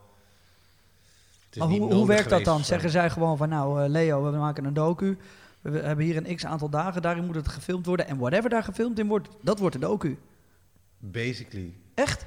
Tuurlijk, ik, ik probeerde wel te plannen, ik probeer wel op leuke dingen, maar een regisseur moet er ook een verhaal uit halen. En ik moet zeggen dat eh, de, de regisseur Victor, eh, hoe heet hij ook alweer van zijn achternaam? Victor in ieder geval zijn voornaam. Vond ik een relaxed guy en ook echt een, weet je wel, een goede, goede regisseur. Die mensen hebben gewoon hun werk gedaan. Ik vond het eh, productiehuizen wat minder chill. Ik ging al niet lekker en de hele tijd werden fucking... Oké, we gaan daar schieten, we gaan daar schieten. Nou, werd er weer op de dag van tevoren afgezegd. En dan was ik al, had ik mijn agenda al 10 miljoen keer te druk. En dan had ik dus daar in één keer een gat. Waar ik met mijn soort van autistische workaholic hoofd echt niet mee kon dienen. Ja, die, gewoon. die ene shot dat jij in die auto zit zo te kijken. Ik zie dat Ja. precies voor me zo. zo van de zijkant gefilmd. Maar hebben jullie echt gewoon, oké, ga jij daar staan? Wij gaan even filmen. Nee. Dat je echt weg zat te dromen zo. En dat was het shot wat ze hadden gebruikt. Nee, het enige wat soort van eh, geregisseerd was, is dus één shot eh, dat ik bij, eh, ben ik bij Jack, bij de studio, en dan vliegt er een vliegtuig over. Dat was wel de hele tijd van dat hun zo'n eh, planner hadden van wanneer er een vliegtuig overvloog. Dat ze zeiden van als het vliegtuig voorbij komt, zeiden ze telkens van kom naar buiten, kom naar buiten. En dan eh, ging ik gewoon even een jointje roken buiten. Oh, zo. En eh, eh, dat was het enige eigenlijk niet, niet enigszins spontane. Maar ja, dan dacht ik gewoon van toen hun zeiden van dan komt de vliegtuig over, dacht ik van oké, ja, dan ga ik wel even nu naar buiten. Ja. Heb, heb jij wel eens in zo'n situatie gezeten als zijn docu? En dan bedoel ik eh, niet, niet dat je een docu zou krijgen, want daar zullen ze je ook al voor hebben gevraagd. Maar in zo'n situatie dat je er een soort van tegen depressieve aanhing, omdat... Nee. Nee? Hoe Nee. doe jij dat? ja. Ja, ik weet het niet, man. Ik eh, ben gewoon super gelukkig op Ja. het moment. Met- Ik heb een goede vrouw achter me, een paar kinderen. En eh, ja, ik doe, Maar hoe oud leu- ben jij doe nu? leuke dingen. 33. Maar Ja. ik, ik zeg je eerlijk dat ik zeg maar die klap misschien al vroeger heb gehad of zo. Weet je wel, dat ik lastig vond, dat, dat ik altijd vond dat ik op de bank werd gezet door iedereen. En eh, niet iedereen was meteen, weet je, eerst ging Polska en toen, toen gebeurde dit weer. En toen gebeurde dat weer, weet je wel. Dat ik dacht van oké, fuck it, ik ga, het echt, ik ga het echt zelf doen nu. En die keuze heb ik voor mezelf gemaakt en mijn eigen label opgezet. Ik heb een café, ik heb een eh, snackbar. Eh, leuke dingen gedaan. Ik, ik zou niet weten, zeg maar, misschien krijg ik op, op een dag een klap of zo dat ik neerga. Maar ik, Ja. eh, ik Ik, heb... denk dat je, ik denk dat je uit, uit het juiste hout gesneden bent, man. En ik denk ook dat, kijk, mijn vrouw is ook echt het is een, een koningin, snap je? Ik, ik dank God op mijn knieën voor het feit dat zij in mijn leven is. En ik heb een hartstikke mooi kind gekregen. Maar ik ben zo een soort van binnenvetter, dat op een bepaald punt komt zij ook niet meer bij mij. Maar ik denk dat... eh, de maar ik ben, tot, jij- ik ben geen binnenvetter, hè? Nee, inderdaad. ik ook niet. Ik denk dat... eh, Nee. Praat wat, het- alles wat ik nu wilde zeggen was bijna alsof mijn vrouw dan niet goed was. Maar dat is zij Ja. zeker wel. Maar bij mij is het tot een bepaald punt, kom je er gewoon niet doorheen. Maar ik ken jou natuurlijk ook een beetje. En ik denk dat die combinatie van jouw vrouw ook erbij, Zeker, dat dat ook echt een groot deel van je succes is. zeker. En ook dat je het volhoudt. Zij, zeg maar, als iemand mij met twee benen op de grond houdt, is dat Marisa wel. Hoe gaat dat, is dan? Waar- waarom, waarom ga je naar het interview? Krijg je er geld voor dan of zo? Dat, dat als ik hierheen ga. Ja. Nee, je zou, je zou na acht uur gaan als die kinderen in bed lagen. Ik zeg, heb je gisteren toch gezegd? Nee, heb je niet gezegd. Weet je, Ja. Eh, ik hou er gewoon van. van maar zij is he- hele aparte eh, vrouw ze daarna over nadenkt. Ik denk aan het grote plaatje, zij denkt aan morgen, snap je? Maar, ehm, Ja, dat is wel ja, grappig. dus- Mijn vrouw, die zei ook wel eens van, waarom gaan jullie weer een show in Italië doen? Dan krijg je maar 5000 euro. ja, ja, Dat echt. weet jij ook altijd. Zij wist gewoon, Italië betaalt niet. ja, toch? ja, ja, ja. Ze zei van, gaan jullie weer naar Italië Ja. toe? Ja, waar- waarom zou je die en die helpen, man? Daar krijg je toch niks voor, weet je wel? Ja. Ik denk van, ja, ik denk aan het, aan het later en ik denk, ik krijg terug van de universe, weet je wel? Ja. Ja, mooi, man. Plus, eh, ja, mooi leven, man. Niks te klagen. Ja, en dat, ja, het is goed om te horen, omdat ik natuurlijk twee perspectieven hier heb. Ik denk dat ik, Ja, en ik denk, Jordi, heb, heb, jij, heb jij wel eens er... eh, ik heb nooit zo'n neerslachtige periode gehad, even in mijn rugbycarrière. jawel. Jij wel? Nou ja, kijk, op een ander niveau. En ik denk dat iedereen... Gewoon ook- 's ochtends, toch? In de spiegel. Of, eh, Nee, maar kijk, ik denk dat ook mensen die dit luisteren zich ook wel Selfies. herkennen op een, op een ander niveau. Tuurlijk, je, je- op een gegeven moment leg je jezelf een lat neer die je wil halen continu. En als je dat niet lukt, dan ga je ervan balen. En de een gaat daar beter om met dan de ander. Ja. Of de ander legt überhaupt die lat niet en doet gewoon Ja. maar wat of zo. Nee, maar ik En heb echt, eh, da- daar moet ik wel bij zeggen van, ehm, ik heb echt, eh, echt een soort van syndroom, eh, als ik het zo zou moeten noemen, van dat ik echt een insane hoge lat leg bij mezelf en ook iedereen die dan dicht bij mij staat. Dus dat is ook bijna niet na te streven. Daarom zeg ik ook van, toen jij zei van, ben je dan niet bang als straks op die knop wordt gedrukt? Ik ben nu heel erg bezig juist om ook die lat voor mezelf lager te leggen en ook de mensen om me heen een soort van, gewoon let it be, weet je wel. Ja. En eh, dat, dat, dat, dat, dat, dat is mijn downfall geweest. En daar kon, daar kon niemand tegenop boksen. Zeg maar. Ja. ja. Je ziet dat ook wel in die docu. Ja, want ik ben daar alleen En maar was aan dat voor jezelf confronterend om die docu te zien? Koude confronterend, Ja. broer. Ik echt- zie mijzelf de hele tijd... eh, ik zie mijzelf gek. de hele Ah. tijd gewoon... Ik zie gewoon hoe het eruit ziet. Wat er toen op dat moment in mijn hoofd gebeurde. En toen Ja. ik die docu moest goedkeuren... zat ik er nog middenin, snap je? Oh, Ja. hij belde me schreeuwend, vechtend. Hij zei, oh, die fucking docu en er komt niks uit. En hoe kan het nou? En weet je wel, dit is helemaal niet hoe, hoe het altijd echt is. En Ja. ja, dat is wel eh, confronterend. Maar ja, hey, daar leer je ook weer van. Het is, wel, het is wel real en het is wel gewoon... Ja, Echt. je ziet me gewoon worstelen met mezelf eigenlijk gewoon. En eh, ik, ik zou aan de ene kant bijna nu een docu willen hebben om te laten zien hoe, hoe het nu met me gaat. RTL kan gewoon bellen. Ja, ze kunnen nu gewoon bellen basically. Ja, zonder dat ze echt eh, eh, de huid volgescholden worden. Ja, nu, nu eh ander, ander productiebedrijf en eh, let's go. hey, we, hebben het, we hebben het al even over eh, vrouwen, kids en dat soort dingen gehad. Eh, omschrijf jullie kids eens. Eh, ja, ik heb Jace, is de oudste, is vijf jaar. Dat is echt de kleine mei. Weet je wel, die, hij vindt papa helemaal geweldig stoer en zo. En eh, hij praat nu zo. Papa, kun je die ding pakken daar zo? dat is mooi. Hij begint nu echt zo'n mannetje te worden. En, en hij houdt van auto's en voetballen en dit en dat. Echt een jonge jongetje. En eh Bentley, de middelste, die is heel erg aanhankelijk. En eh, die vindt eh, be- unicorn stof. En die houdt van dansen. Heel anders. Is dat, ook, dat is gewoon oké toch ook? eh, ja, ja, ja. sowieso. Maar Ja. hij moet doen wat hij, hij wil doen. en eh ja, het is echt lachen om te zien. En ehm, de jongste, dat is echt, eh, die, die, die is niet goed bij zijn hoofd. Dat is echt zijn moeder. Zo. nee, dat is de eerste zes maanden, dan zeiden we tegen iedereen echt een chille, chille baby, man. Daarna begon het. Ja. Ja, hij is gek, hè. Hij, ra- hij ramt die oudste twee allebei, gewoon vol. En eh, als die boos is, ramt hij zijn hoofd op de grond. Hij heeft zo'n wond op zijn voorhoofd, dat doet hij nu Ik al. zag hem in de story ook laatst met een helmpje op, ja, toch? ja, ja, hij gaat met de helm op naar school. Nee! Ja, ja, ja. En ah, zeg maar, alle auto's daar zijn van hem. Dus als iemand op zo'n ding... Ai! Oei, Dan gaan ze van die auto af. ja, Maar maak je daar dan druk om als vader, hoe die dan ja is? met zijn hoofd wel, ja. Met zijn hoofdbonkers. Eh, Weet je wel, hij doet het ook tegen de rand van zijn bed. En dat had dan nu drie weken niet gedaan. En nu eergisteren weer. En laatst weer op de grond. Gewoon op de stenen. En eh, het doet wel pijn, weet je. Het is wel lastig. Van, wat is het dan? eh, frustratie of zo? Naar de dokter geweest of hij niet zijn schedel kan beschadigen. Maar ze zeiden, ja, doe hem gewoon een helmpje op als hij niet bij jullie is of zo. Want eigenlijk, je wil hem opvoeden. Dus eh, wanneer hij ehm, op de grond gaat zitten en hij krijgt iets niet en hij gaat zitten schreeuwen. Bij die andere twee liep ik weg, weet je. Je kan schreeuwen wat je wil, maar je krijgt het toch niet. Maar met hem, hij gaat op zo, dus hij krijgt wat hij wil. Hij gaat zijn hoofd rammen, bam, bam, bam op de grond, maar echt hard hè. Dan moet je hem wel pakken Ja. en dan geef je hem soms toch weer zijn zin. Dus dan krijgt hij zijn zin. Dus wat is goed? Weet je wel? Dat is wel lastig hè. Hoe moeilijk is het dan nu om, eh, om vader te zijn terwijl je ook deze carrière hebt? Ja, moeilijk voor, voor mij en voor hun is het nooit anders geweest. Nee. Dus eh, ik ben er vaak weekenden niet. En door de week ben ik er wel heel veel eigenlijk. Misschien wel meer als een 9 tot 5 vader. Want eh, overdag chillen we gewoon en ik haal ze altijd van school. Ik breng ze eigenlijk altijd naar school. En ehm, ja, het is niet moeilijk. Dit is gewoon wat ik doe. Beseffen ze wat papa doet? Ja, zeker. Ja, voor hun is werken is optreden. Dus als ik vraag aan eh Jace, ga je later ook werken? Zegt hij, ja. Zeg ik, wat is werken? Dan zegt hij, optreden. En eh, hij weet wat de studio is. Hij heeft ook achter de microfoon gestaan en zo. Zou je dat ook voor ze willen, dat ze hetzelfde gaan doen als jij? Ik support in echt in alles, In wat zij ja, willen doen, ja. En hoe gaat het bij jou thuis dan? Want jij hebt november. Ik heb november, jongen. Die is vier. Nee, hij is, hij- ik, eh, november is wel een mannetje, maar hij is wel heel soft, man. Hij is ook echt heel knuffelig. Dus echt als een vader. Nou, ik zeg je eerlijk, ik was volgens mij als kind ook wel echt een soort van best wel zacht jochie en heel lief en aanhankelijk bij mijn moeder. Ik weet ook wel dat mijn ouders een keer op vakantie gingen voor het eerst, zeg maar, tweeën, dat ik echt moest huilen dat ik mijn moeder niet kon knuffelen. Die tijd dat ze weg waren. Dus in die zin ben ik wel een beetje hetzelfde.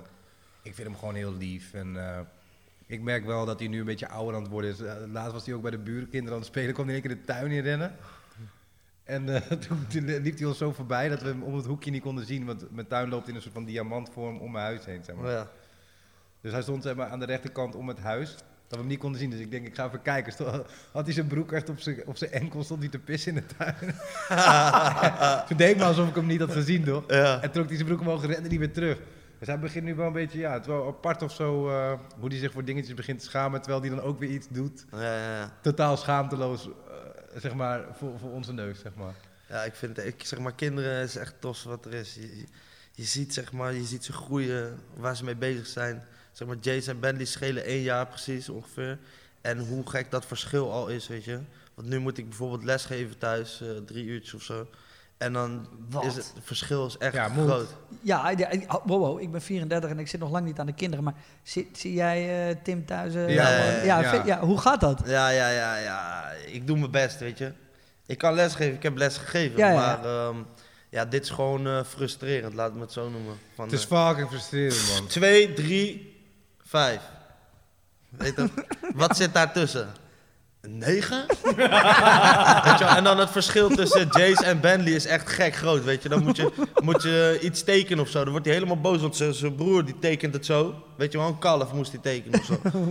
En hij, denkt, weet je wel, dan moet hij gaan neerzetten. Hij weet het niet en dan wordt hij boos. Want hij ziet nu het verschil. Met zijn klasgenoten zitten ze in dezelfde eh mindstate of eh, dezelfde ontwikkeling in hun hoofd. Maar nu zien ze het verschil heel erg. Ja, het is wel leuk, man. Ik vind het echt prachtig om mee te... En, en ik hou van ze alle drie tering veel, man. Elke avond voorlezen. En we lachen ons helemaal kapot, Ja, man. voorlezen ook Ja, leuk, het is echt prachtig. Ik heb ook nu, ik heb ook nu zo'n boekje, ik, eh, eh, Tobbel of zo, zo'n boek. We krijgen elke, elke maand krijg je dan twee nieuwe boekjes. Ja, ja, ja, ja. Is fucking leuk, man. Die shit is ook best wel grappig soms. Ik echt te lachen. Ja. En ik vind ook, wat ik ook funny vind, omdat je nu wel dus dingen gaat zien, zeg maar. Ik tekende wel eens met november of schilderen, maar nu ga je echt, ja, je moet gewoon fucking veel knutselen samen, toch? Ja, Dus nu kan november een mens tekenen, of een soort van poppetje. ja. En dan zeg maar, waar die ook begint, die benen moeten zeg maar op de grond staan, toch? Dus, dus, ja. dus je hebt poppetjes zeg maar met gewoon, ja, in verhouding best normale benen. Maar je hebt ook, gewoon, je hebt lange ook benen. gewoon met fucking lange benen. Ja, echt mooi. Ja, het is echt leuk. Maar wat- wat- mijn, mijn zoon heeft echt niet door wat ik doe. Hij, Nee? vindt, hij denkt gewoon dat, dat heel veel mensen mijn vrienden zijn. Oh, zo, ja. Maar is hij wel eens mee geweest naar een show? Nee, hij is nog nooit Nee? mee geweest aan een show. Nee, mijn studio, daar mag hij ook eigenlijk niet komen. Ook omdat er best wel veel shit ligt waar hij super stoned van zou kunnen worden, zeg maar. Ja. Dus dat is niet handig. Maar Dat is misschien waarom hij zo is. Hij luistert wel naar jouw muziek? Hij noemt het de Busy, eh, mijn studio. Dus hij denkt dat Busy de studio is. Oh ja. Eh, en ehm, hij, hij, hij, hij herkent nummers. Wat bijvoorbeeld dan waren we in Curaçao op vakantie ging dan, of in Bali trouwens ook, dan vinden ze het grappig dat ik daar dan zit. En dan zetten ze het traag op. Ja. Dan zegt hij wel van, oh dat is papa. Maar hij denkt dus, ook omdat bijvoorbeeld JJ vaak bij ons over de vloer komt. En eh, ook waren we op vakantie, was Kelvin daar, Calvin. Dan ziet hij hun op, op YouTube of op tv. Hij denkt gewoon dat iedereen op motherfucking tv komt. Oh, zo, hij ja, denkt ja, gewoon dat dat dus normaal is. Ja. En, JJ op tv. Maar hij zo- vindt eh, Becky, zeg maar, die, waar ik nu op aan het, zitten, aan het broeien, broeden ben, die nieuwe tune, Ja, eh, ja. dat ik echt moet wachten tot ik... Die zegt hij wel van, papa, die wil ik horen. Ja, ja. Maar het is echt voor het eerst. Ja. Nou, die van mij zingen de hele dag mijn muziek. Ja? Ja. Hoe luister jij hiernaar, Jay? Want je je bent in dezelfde leeftijd en je hebt natuurlijk geen kinderen. Hij is zelf nog een kindje. Je Ja, hebt wel hij nu, heeft- nu maar hij heeft nu wel... Ik denk een stabiele niet, eh, relatie, toch? Ja. Ik denk niet dat het heel lang gaat duren. Want het is zeg maar, de leeftijd dat je nu in een relatie stapt, is niet dat je per se tien jaar hoeft te wachten. Plus, als ik jou was, zou ik haar sowieso zo snel mogelijk zwanger maken. Voordat ze weer weg is. Ik ben aan het proberen. Nee, ja. Maar wil, wil de wereld een kleine JJ? ja Een kleinere JJ. Een kleinere JJ. Nee, ja, ik denk dat... eh, ja, kijk, de- ik heb deze mannen natuurlijk ja, vanaf het begin wel meegemaakt. En ik zie zijn zoon heel vaak. En ik vind kinderen prachtig, maar ik kan echt... Ik, ja, tuurlijk, ik wil heel graag vader worden. Ik kan echt...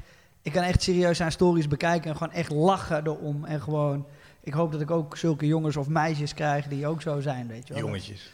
Ja, Het zou je maakt me- heel goed doen, denk Maakt ik. mij echt geen reet uit. Een jongen of een meisje maakt mij echt geen reet uit. Ik vind het allemaal mooi en ze mogen voor mij alles doen Ik, waar ik, ze zelf zin in hebben. Maar Ja, meisje, lekker gangbangen. Man, goed ouwe. Nee, maar ik denk, dat dat, wil. ik denk dat, dat jij het misschien zelfs wel nodig hebt op een gegeven moment. Want ik heb het gevoel dat jij soms nog wel een beetje omver kan lopen. En dat, en dat, Ja, maar deze guy, sowieso. ehm, hij, wat ik, dat, dat, dat ga ik gewoon zeggen hier in zijn eigen show. Kijk, deze man is nu bezig met gewoon überhaupt wennen aan dat hij een relatie heeft. Want ik weet dat hij ook bijvoorbeeld voor het eerst dus met, met, met Carolina eh, op vakantie was in Bali. Dat heb ik van dichtbij kunnen zien. Dat deze man ook gewoon, je weet toch. Zeg maar, als je met guys op vakantie gaat, eh, haal je bier in huis. En dat is de boodschappen die je doet. Maar dat deed hij ook volgens mij in de villa met zijn vrouwtjes hoor.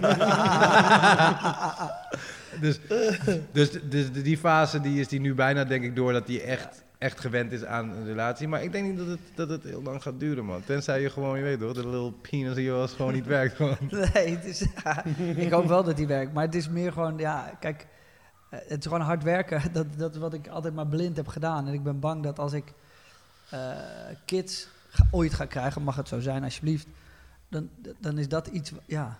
denk je niet? Je denkt dat het in de weg gaat zitten van je Nee, ik, werk? denk Ja, niet dat het, ik, denk, ik denk niet dat het misschien in de weg gaat zitten van mijn werk, maar ik wil het ook niet doen zodat ik ze niet volledig, de, ik denk dat ze altijd 100% de aandacht gaan verdienen. Dus ik ben er ook een beetje bang voor dat, ja, dat, dat als ik zoveel werk als nu, dan gaat dat heel moeilijk. Ja, ik denk Ja, dat je dan wel vind je. zeg maar voor, voor mij, toen ik eh, Marisa zwanger was van Jace, toen wist ik echt van oké, nu moet het gaan gebeuren. Ik, ik zie een beetje eigenlijk dat hun ook verantwoordelijk zijn voor mijn groei als mens en mijn hele carrière. Want daar, daarna woonde ik in een klein huis, ik moest verhuizen. Maar ik moest wel het geld hebben om te verhuizen. Ik moest nog harder werken, weet je wel. Het was, of, het was voor mij echt de keuze, of ik ga gewoon een stabiele baan zoeken, of ik ga gewoon mijn carrière echt boosten. Dat moest negen maanden om dat te doen en te verhuizen. Daarna, shit, zo, Marisa was weer zwanger, was niet gepland. En eh Ben die werd geboren in mei. En dat is vlak voor de zomertour. En wij woonden toen in een, een huis met twee trappen omhoog, of een flat. Twee trappen omhoog. Dus ik moest weer verhuizen. Weer een huis zoeken, weer een stap hoger, weet je wel. Dus ik moest weer nog harder werken. En toen, kwam, toen de derde kwam, toen was het stabiel, zeg maar. Maar ik zie hun allemaal wel als verantwoordelijk ook voor mijn succes. Ik ook. Ik heb precies dat. Want het is gewoon, op het moment dat je een kind hebt, maakt het gewoon toch wel uit. Ja. Eigenlijk daarvoor maakt het nooit echt uit. Je Nee, kan wel en- denken van, oh, ik ben gemotiveerd en ik wil een carrière, bla bla. Maar op het moment dat je een kind krijgt, Ja. Nee, en je bent ook ergens, je bent nooit meer ergens voor bullshit. Ik er niet in ieder geval. nee. Ik heb gewoon echt, weet je wel, wanneer ik merk van oké, eh, ja, ja, ik ben ergens, denk ik van ja, ik weet niet eigenlijk wat ik hier aan het doen ben, dan ben ik weg. Snap je? Ja, je je komt echt, Omdat ja, je, je omdat je komt, nog een belangrijke plek hebt. ja, om maar te je zijn. doet, ik doe gewoon geen bullshit meer, weet je. Nee. Ik heb geen zin om met jou te hangen. eh, ik, als ik niks van je leer, geen inspiratie van je heb. Ik, wil wel, ik heb wel vrienden waar ik mee praat of zo, maar dat is dan met kinderen bij elkaar, weet ik veel wat. Maar, maar zeg maar, ik wil gewoon, al- als ik buiten de deur ben, wil ik of iets leren of geïnspireerd raken of werken. En hoe eh, leggen jullie dan je muziek uit aan je kids? Niet. Ik, eh, hij mag het van mij niet horen. Traag. Sowieso van mijn vrouw mag hij Ja. het niet horen. Hoe leg jij het, hoe leg jij het als hij straks Nee, wat nee, ouder nee. is hè, en eh, hij komt naar je toe en zegt: Hé hey pap, ik heb eh, in de gaten dat jij eh, toch busy bent. Eh, Dat is niet eh, de schuur waar jij je muziek in maakt, maar dat is de artiest. Raar dat je me dat niet eerder hebt verteld. Ehm, en eh, ja, er is zo'n. eh, zo, er is eentje die is best wel veel op YouTube bekeken. Want ja, ik ben Ja, opgegroeid met YouTube. Ja, en eh, dat is traag en er worden wat dingen in gezegd. Hoe ga je, dat- hoe ga je dat eh, uitleggen? It is what it is. Ja. Uiteindelijk. Ik, heb, ik, ik zeg dan gewoon van, ja, wat denk je dat die godverdomme die schoenen van je kosten? Ja. Nog iets te zeuren. Ander onderwerp. Nee, ik, eh, nee, ik heb daar niet echt heel goed over nagedacht nog. Maar je laat hem niet luisteren naar je muziek? Nee, ja, ik liet hem, ik liet hem best vaak luisteren en ook videoclips kijken. En eh, na een tijdje toen, eh, nee, nee, wil dat echt niet. Nee hoor. Nee, dus ik moet daar wel mee stoppen. Ah, die van mij die zingt het overal man. Ja, maar als die Ja. jongens dan zou ik zeggen, ja, maar dat meisje bij mij in de klas, die eh, is best wel, eh, ja, die gaat naar de kerk en eh, die- ja, die- die- wij zingen Kind van de Duivel. eh, kan dat wel, papa? Ja. Is dat, wat, wat zeg je dan? ja. Ja. Wat moet ik zeggen dan? Ja, nee, ja, dat weet ik niet. Is dat, is Ja man, al die kinderen op school zingen het man, dat is niet normaal. Als ik aankom lopen, beginnen ze al te zingen.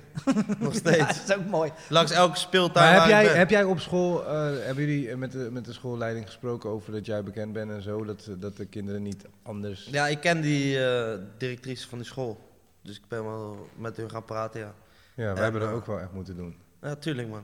Wat is toch, maar Wow, iedereen, is dat iedereen, zo? iedereen Ja? is er nu echt gewend aan geraakt. Ja, is dat zo dat je naar de schoolleiding moet? Dat, ja, eh, mijn papa is bekend en daardoor gaan kinderen misschien anders doen? Of Ja, de kinderen anders? gaan jouw kinderen anders eh, Ja. benaderen. En ik wil dat heel graag niet. Dus sowieso in het begin was het ook een beetje zo van, weet je, dat ze niet echt duidelijk wisten wie dan het kind van Busy was. Nou ja, ehm, kwamen ze redelijk snel achter wel. Maar ze mogen gewoon niet, er wordt gewoon op gelet dat ze niet als, als kinderen van eh groepen 7, 8 eh, de hele tijd om, om november heen staan, waar eigenlijk Ja. is, dat is sowieso een rare situatie. Zeker. Dan Maar- gaan ze maar- wel zeggen van jongens, ga even gewoon, eh, dat, dat, dat zou die anders ook niet doen. Maar het went snel, hè. Dus op een gegeven moment is het gewoon super normaal. Weet je wel, aan het begin Ja. is het allemaal gek. Hey, je broer, dit en dat. Maar na een tijd is het gewoon, hey, geef je high five aan die kids. En dan Ja. is het gewoon... Wat is ja, maar het is wel zo. doen. Ik vond het wel lullig bijvoorbeeld voor. November zei wel één keertje, toen ging ik met hem skateboarden gewoon bij ons in de straat. En de ene kant op is zeg maar echt, eh daar komen we gewoon geen kinderen tegen. En de andere kant wel. En, eh, hij wou naar waar geen kinderen waren. Hij wilde waar geen kinderen waren. Hij zei van ja, die, die vinden mij niet leuk. Die vinden alleen jou leuk. Oh, zo. En eh, dat, vond ik, en dat, dat ging echt door me heen, weet je. Ook op de manier dat hij het Ja. zei. Het was echt oprecht. Ja, het was, het was echt wel lullig. Ja, ik heb wel met, met foto's maken. Dat bijvoorbeeld, eh, zeg maar, als ik naar een kermis ging. eh, Toen er nog kermissen waren, voor de coronatime. Maar toen kwam ik daar en dat kinderen hielden geen rekening mee eh, dat ik met mijn kinderen was. Dus zij kwamen tussen mij en mijn kinderen in, snap je? Dus Wat ik, doe je dan? Ik zag me, ja, die kinderen moeten weg. En even, eh, weet je wel, ik wil wel met iedereen een foto maken. Maar op een gegeven moment ben ik daar ook een beetje mee gestopt. Ik Dat- maak dat geen foto als november erbij is. Mm. Dan zeg ik ook gewoon van, ja, ik ben met mijn kind, weet je. Ik bedoel, Het ligt, bro, ligt aan de situatie. Een of andere eh, Het ligt aan de situatie. kind. Ja, ik doe het, ik doe het niet. Mm. Kijk, je moet eh, hiermee rekening houden, want zo leg ik het ook vaak uit aan mensen. Van als hij wordt nu, hij groeit nu op met dat iedereen een soort van bekende is.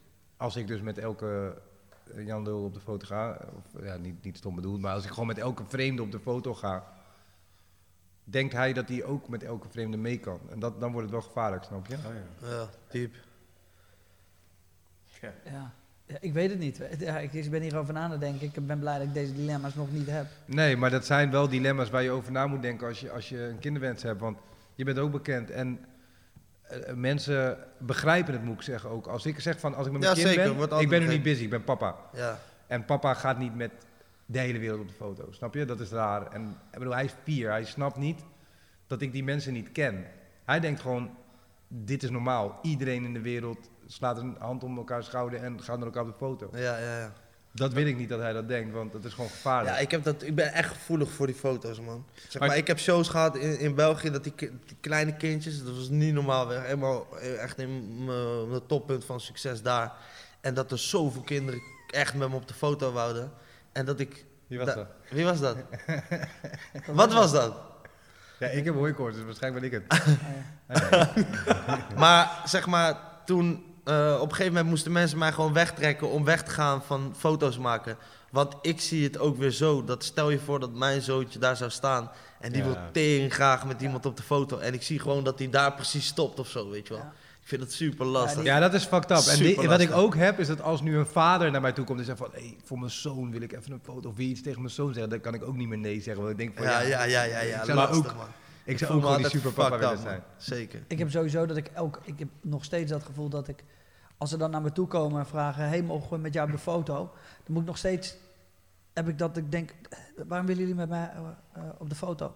Eh, Ja, oh, dat ja, je oh, ja. vergeet. oh ja, ik vergeet af en toe dat dat zo is, weet je wel. En daarna denk ik, oh vet. En ik heb, ik heb denk ik pas twee keer in mijn leven gehad met een foto maken... dat ik echt dacht...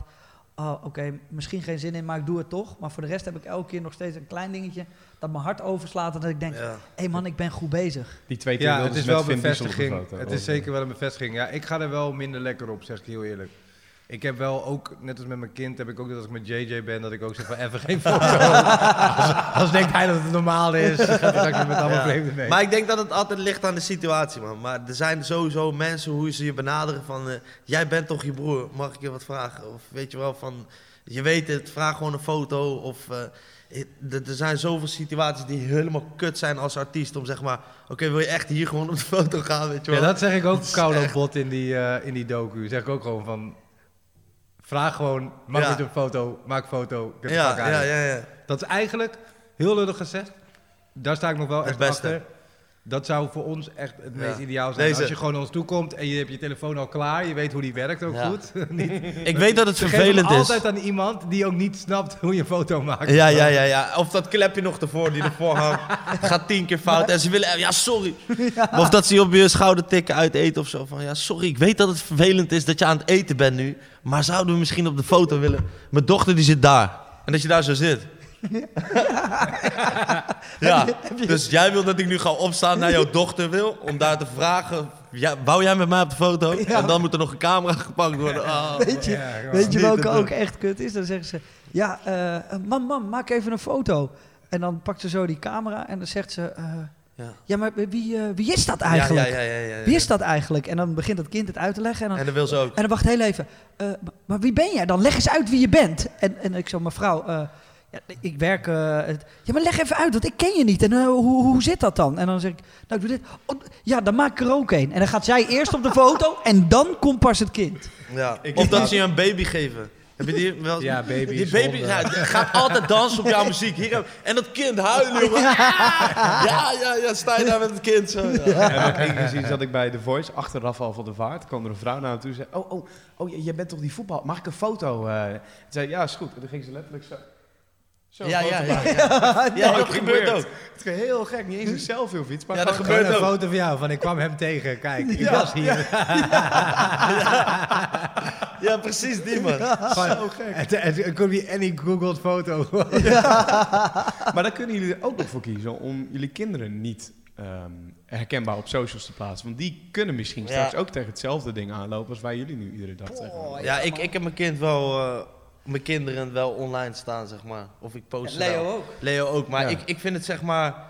Ik, eh, wat Ali doet, bijvoorbeeld dingen voor die hoofdplaats en zo, vind ik soort van enger dan, geen ho- dan een hoofdplaats. Ja, het loopt bijna uit dat als je dan eenmaal een keer ziet hoe ze eruit zien, dat ze ook gelijk worden gekidnapt. Ja. Zeg maar. Ja, ik vind dat Ja. een soort van... Ik snap het wel. Ik snap het zeker. Maar ja, het is live, man. Ja. Ja, ik, ik, ben gewoon, ik, ben gewoon, ik ben gewoon te trots om het te verschuilen. Ik zeg je eerlijk, het is inderdaad ehm, misschien ergens egoïstisch, want kijk, ik heb, want jij hebt volgens mij ook nog een Instagram voor je kinderen, toch? Ja, we hadden een losse Instagram, ja. Oh, nu niet meer. Ja, die bestaat wel nog, maar ik doe er niks mee. Ik doe er niks mee. Nee, ja, ik heb wel bewust gekozen om dat dan niet te doen, omdat ik aan de ene kant dacht van, ja, hoe lekker is het als hij straks soort van 12 is en hij heeft een soort van triljoen volgers. Dat is Ja. natuurlijk hard, want het is ook geld waard en shit. Aan de andere kant dacht ik van, nee, het hoeft, het hoeft allemaal niet, weet je wel. Ik, Ja, bedoel, ga hem niet misschien- verbergen, maar in die zin laat ik hem daarvoor wel gewoon zelf kiezen. En dan, eh, ja, dat. Het is natuurlijk ook gewoon dat als hij het wel wil doen en hij genereert dan heel veel volgers door hopelijk gewoon een skill en niet zoiets als, als, als JJ die gewoon influencer is, zeg maar. En wat, wat ben je eigenlijk? Oh, die kop nu. Presentator of influencer? Nee, maar dat hij echt iets kan, weet je. Nee, werd er nou gerookt, ja toch? Ja. Als jij een sigaretje op wil steken, dat kan. We zijn. Maar heeft, hebben, die kids... eh dit heeft me echt geraakt dat jullie dat net zeiden. ik ben helemaal van me apropos. Nou ja, ik, ik heb dit dus wel Zijn gelezen. kinderen zijn, hoe oud zijn ze? Twee, vier en vijf. Nou, en hoe lang geleden waren ze echt actief op Instagram? Toen eh Jace, eh, toen ze drie en vier waren. Ja, dus dat- die periode deden ze eigenlijk al gewoon wat jij nu doet. Dit heb ik dus laatst ook een keer in de comments gelezen. Zeiden, ja, maar Jay, eh, waarom ben je eigenlijk bekend? Nee, maar, maar Jay, buiten dat we het net over ons hadden. Ja. Bro, jij hebt het ook geflikt, man. Bro, jij hebt wel echt dezelfde. Ik wilde het net echt, zeggen. echt, van, zweer het je. bro, eh, Zeg maar, ik ben super trots ook op jou, man. ik ook. En dat weet je ook. Ik ook. Ik vind, Want kijk, jij, jij had ook een plan in je hoofd. En ik weet dat je allemaal, weet je wel, allemaal losse dingetjes aan het doen was. Maar je hebt wel alles gecentraliseerd naar jezelf toegetrokken. En, en zelf echt een eigen weg bewandeld. En een, een pad opgegaan, weet je wel, die niemand nog aan het bewandelen was. En day one wat je neerzet, weet je wel, het groot platform. Je doet echt toffe dingen, filmpjes zien er tof uit, goed team om je heen. Weet je wel, dat is niet normaal wat je hebt neergezet. ja, en om die kleine pik nog even van je nog iets mee op te poetsen. Vind ik het ook knap dat je dus inderdaad, je zet concepten neer. Die allemaal gewoon goed lopen, allemaal ook echt oprecht boeiend zijn. Want ik kijk ook gewoon bijvoorbeeld Daily Ja, Driver met, zeker. eh, met eh, die Lord of the Rings DJ. Dit is een vals. hè. Maar, eh, nee, maar het, is, het is echt leuk. En daarnaast ben je zelf zeg maar, ook elke keer gewoon relevant aanwezig. Want het, het, het zou natuurlijk ook heel fucked up zijn als je jezelf overal inforceert. Ja, Maar dat het eigenlijk niet echt klopt. Of dat het gewoon eigenlijk nog bijna de zwakke schakel is. Maar dat je gewoon heel goed concepten kan bedenken. En dat is mijn grootste angst. Dat, je ooit, dat ik mezelf ergens in moet gaan forceren. Wat niet meer oké voelt. En ik vind ook wat jullie nu zeggen is natuurlijk... Ik, ik, ik, eh, ik accepteer het. Ik vind het echt vet dat de mannen waar ik al jaren mee werk... en waar ik zelf van vind dat ze het flikken... dat ze dat zeggen. Maar ik kan het gewoon nog steeds niet... eh, ik, ik weet niet, man. Ik heb dat niet als ik naar mezelf kijk. Maar het is wel zo. jullie dat wel? En eh, ja, het is gewoon zo. Wat eh, die gasten van eh Coronel, eh, Tim en Tom Coronel. wat die hebben een beetje, dat heb jij ook. En je bent een soort van jongere versie ervan. Dank je. Nou, dat is er eentje die ik in weet niet of dat een compliment is. Dat vind ik Ja, wel, want ik, ik, ik, ik, eh, ik weet dat hun nu waarschijnlijk eh, een soort van 90 zijn of zo. Maar dat voelt niet zo. Zo Ja. bedoel. Ja. Dus ik denk dat je dit heel lang kan doen. Het is best wel tijdloos gewoon. Want Ja. er zijn gastjes van 16 of nog jonger die jouw autoprogramma's kijken en gewoon denken van eh, een jonge hippe guy die gewoon eh, fucking toffe auto's laat zien. Maar het is niet dat een, een, een man van eh 58 ernaar kijkt en denkt van kijk dat jonge ventje te blij doen naast die auto. Nee. Dat klopt gewoon. Nee, plus het is ook jouw, buiten het concept is het ook jouw persoonlijkheid, weet je. Die komt terug in al je filmpjes van hoe jij bent en je bent echt enthousiast over dingen, weet je wel. Dus Ja, dat, dat doet is me ook tof. wel eens het meeste pijn hoor, als mensen zeggen, ja, hij acteert. Nee, jij bent echt nep. ik doe dat schreeuwen als dat kleine meisje achter in die auto. Dat doe ik expres zodat ik meer views krijg. Oh, echt? Nee, dat wist ik niet. Maar kunnen jullie dat soort lof gewoon zo accepteren? Want ik zit hier echt en denk ik, ja, ik vind dat dus het allermoeilijkste aan, aan mijn job. Is dat gewoon, dat mensen dat dus best wel eens zeggen van, ja, maar wat jij doet man, dat is echt... Terwijl ik denk, ja, ik doe gewoon wat ik hard vind man. En Dat is it. tof. Ik denk ook niet dat je er te veel bij stil moet staan. Nee, Nee, je gewoon accepteer het gewoon. wat je hard vindt Ja. en wat leuk is. Je hoeft eigenlijk niks aan te trekken van wat wij, wij vinden. De cijfers liegen niet. En zolang jij het leuk vindt, is het gewoon cool. Dus jullie hebben nooit vroeger, eh, en dit is een gewetensvraag, gedacht van... eh, ik doe dit omdat ik eh, miljonair wil worden of omdat ik Jawel. geld wil verdienen. Jawel, ik heb, ik heb altijd gedacht dat ik miljonair wilde worden. Ehm, nu ben ik miljonair en denk ik van eh, zeker niet het belangrijkste. Maar ik heb daar wel heel lang gedacht dat dat een van eh, de goals in mijn leven wa- was die, eh, die dat essentieel was naar geluk. Nu Ja. weet ik dat dat bullshit is, maar het- ja, het, eh, ik heb het wel heel lang gedacht.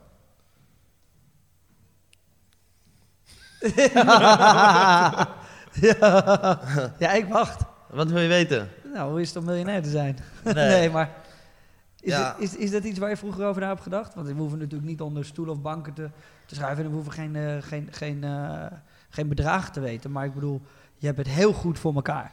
Zeker. Eh, en was dat waar je het vroeger voor deed? Of wou doen? Zat het achter je hoofd? Ja, ik denk, eh, wat ik al zei aan het begin, is financiële af- onafhankelijkheid. Ik wil sowieso heel erg onafhankelijk zijn. En dat is waar ik echt voor heb gestreden. En ik ben blij dat ik kan zeggen dat ik eh, onafhankelijk ben. Is, Ja. dat iets, is dat iets waar jij nog wel eens over nadenkt? Ja, zeker. Maar ik ben überhaupt eerst nog bezig met wie ik ben. Wie, snap je? Ik ben 24. Ik ben Ja. nog zoekende in, in, in, welke, in welke weg ik insla. Zit je hier met drie van die oude. Maar jij, jij hebt ook een gek goal bereikt. Want toen ik jou leerde Ja, kennen, zag je niet zo uit zoals je er nu uitziet. Nee, nee, dat is al denk sowieso ik, al eh, minder lelijk. nog wel een beetje lelijk. Maar dat- nee, maar ik, ik, ik, eh, ik weet dat ik op weg ben, zeg maar. Dus jij hoort deze drie oude mannen praten, wat denk je dan?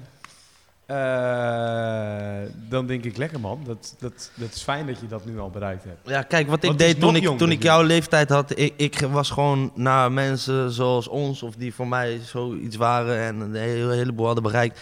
Ik, ik kan er echt heel veel van leren, man. Ik leer van iedereen altijd een klein beetje en alle kleine beetjes neem ik mee in mijn eigen proces eigenlijk. En zo wil ik elke dag blijven leren en mezelf blijven omringen met mensen die succesvol zijn in misschien hele andere branches. Maar bijvoorbeeld wij zijn artiest en eh, wij zijn een merk, maar zo ken ik ook kappers of eh, Oscar Greper, weet je wel. eh, of allemaal mensen waar ik mee te maken heb zijn succes met een bepaald ding. En die hebben dat zelf vanaf niks opgebouwd. Ik kan er echt heel veel van leren. Ja.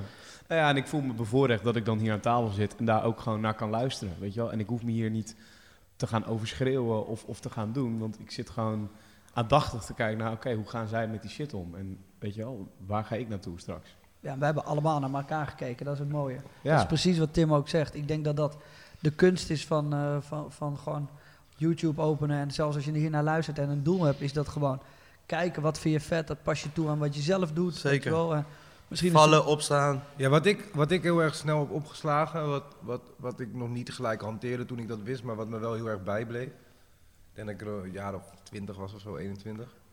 Vertelde iemand mij van, chirurgen bestuderen elkaar altijd, weet je wel. Omdat ze allemaal een andere specialist zijn of whatever. Die, die, die blijven eigenlijk altijd leren door naar elkaar te kijken. En dat ben ik ook altijd blijven doen. En dan niet om te kopiëren, of, maar gewoon door geïnspireerd te raken en jezelf omhoog te trekken.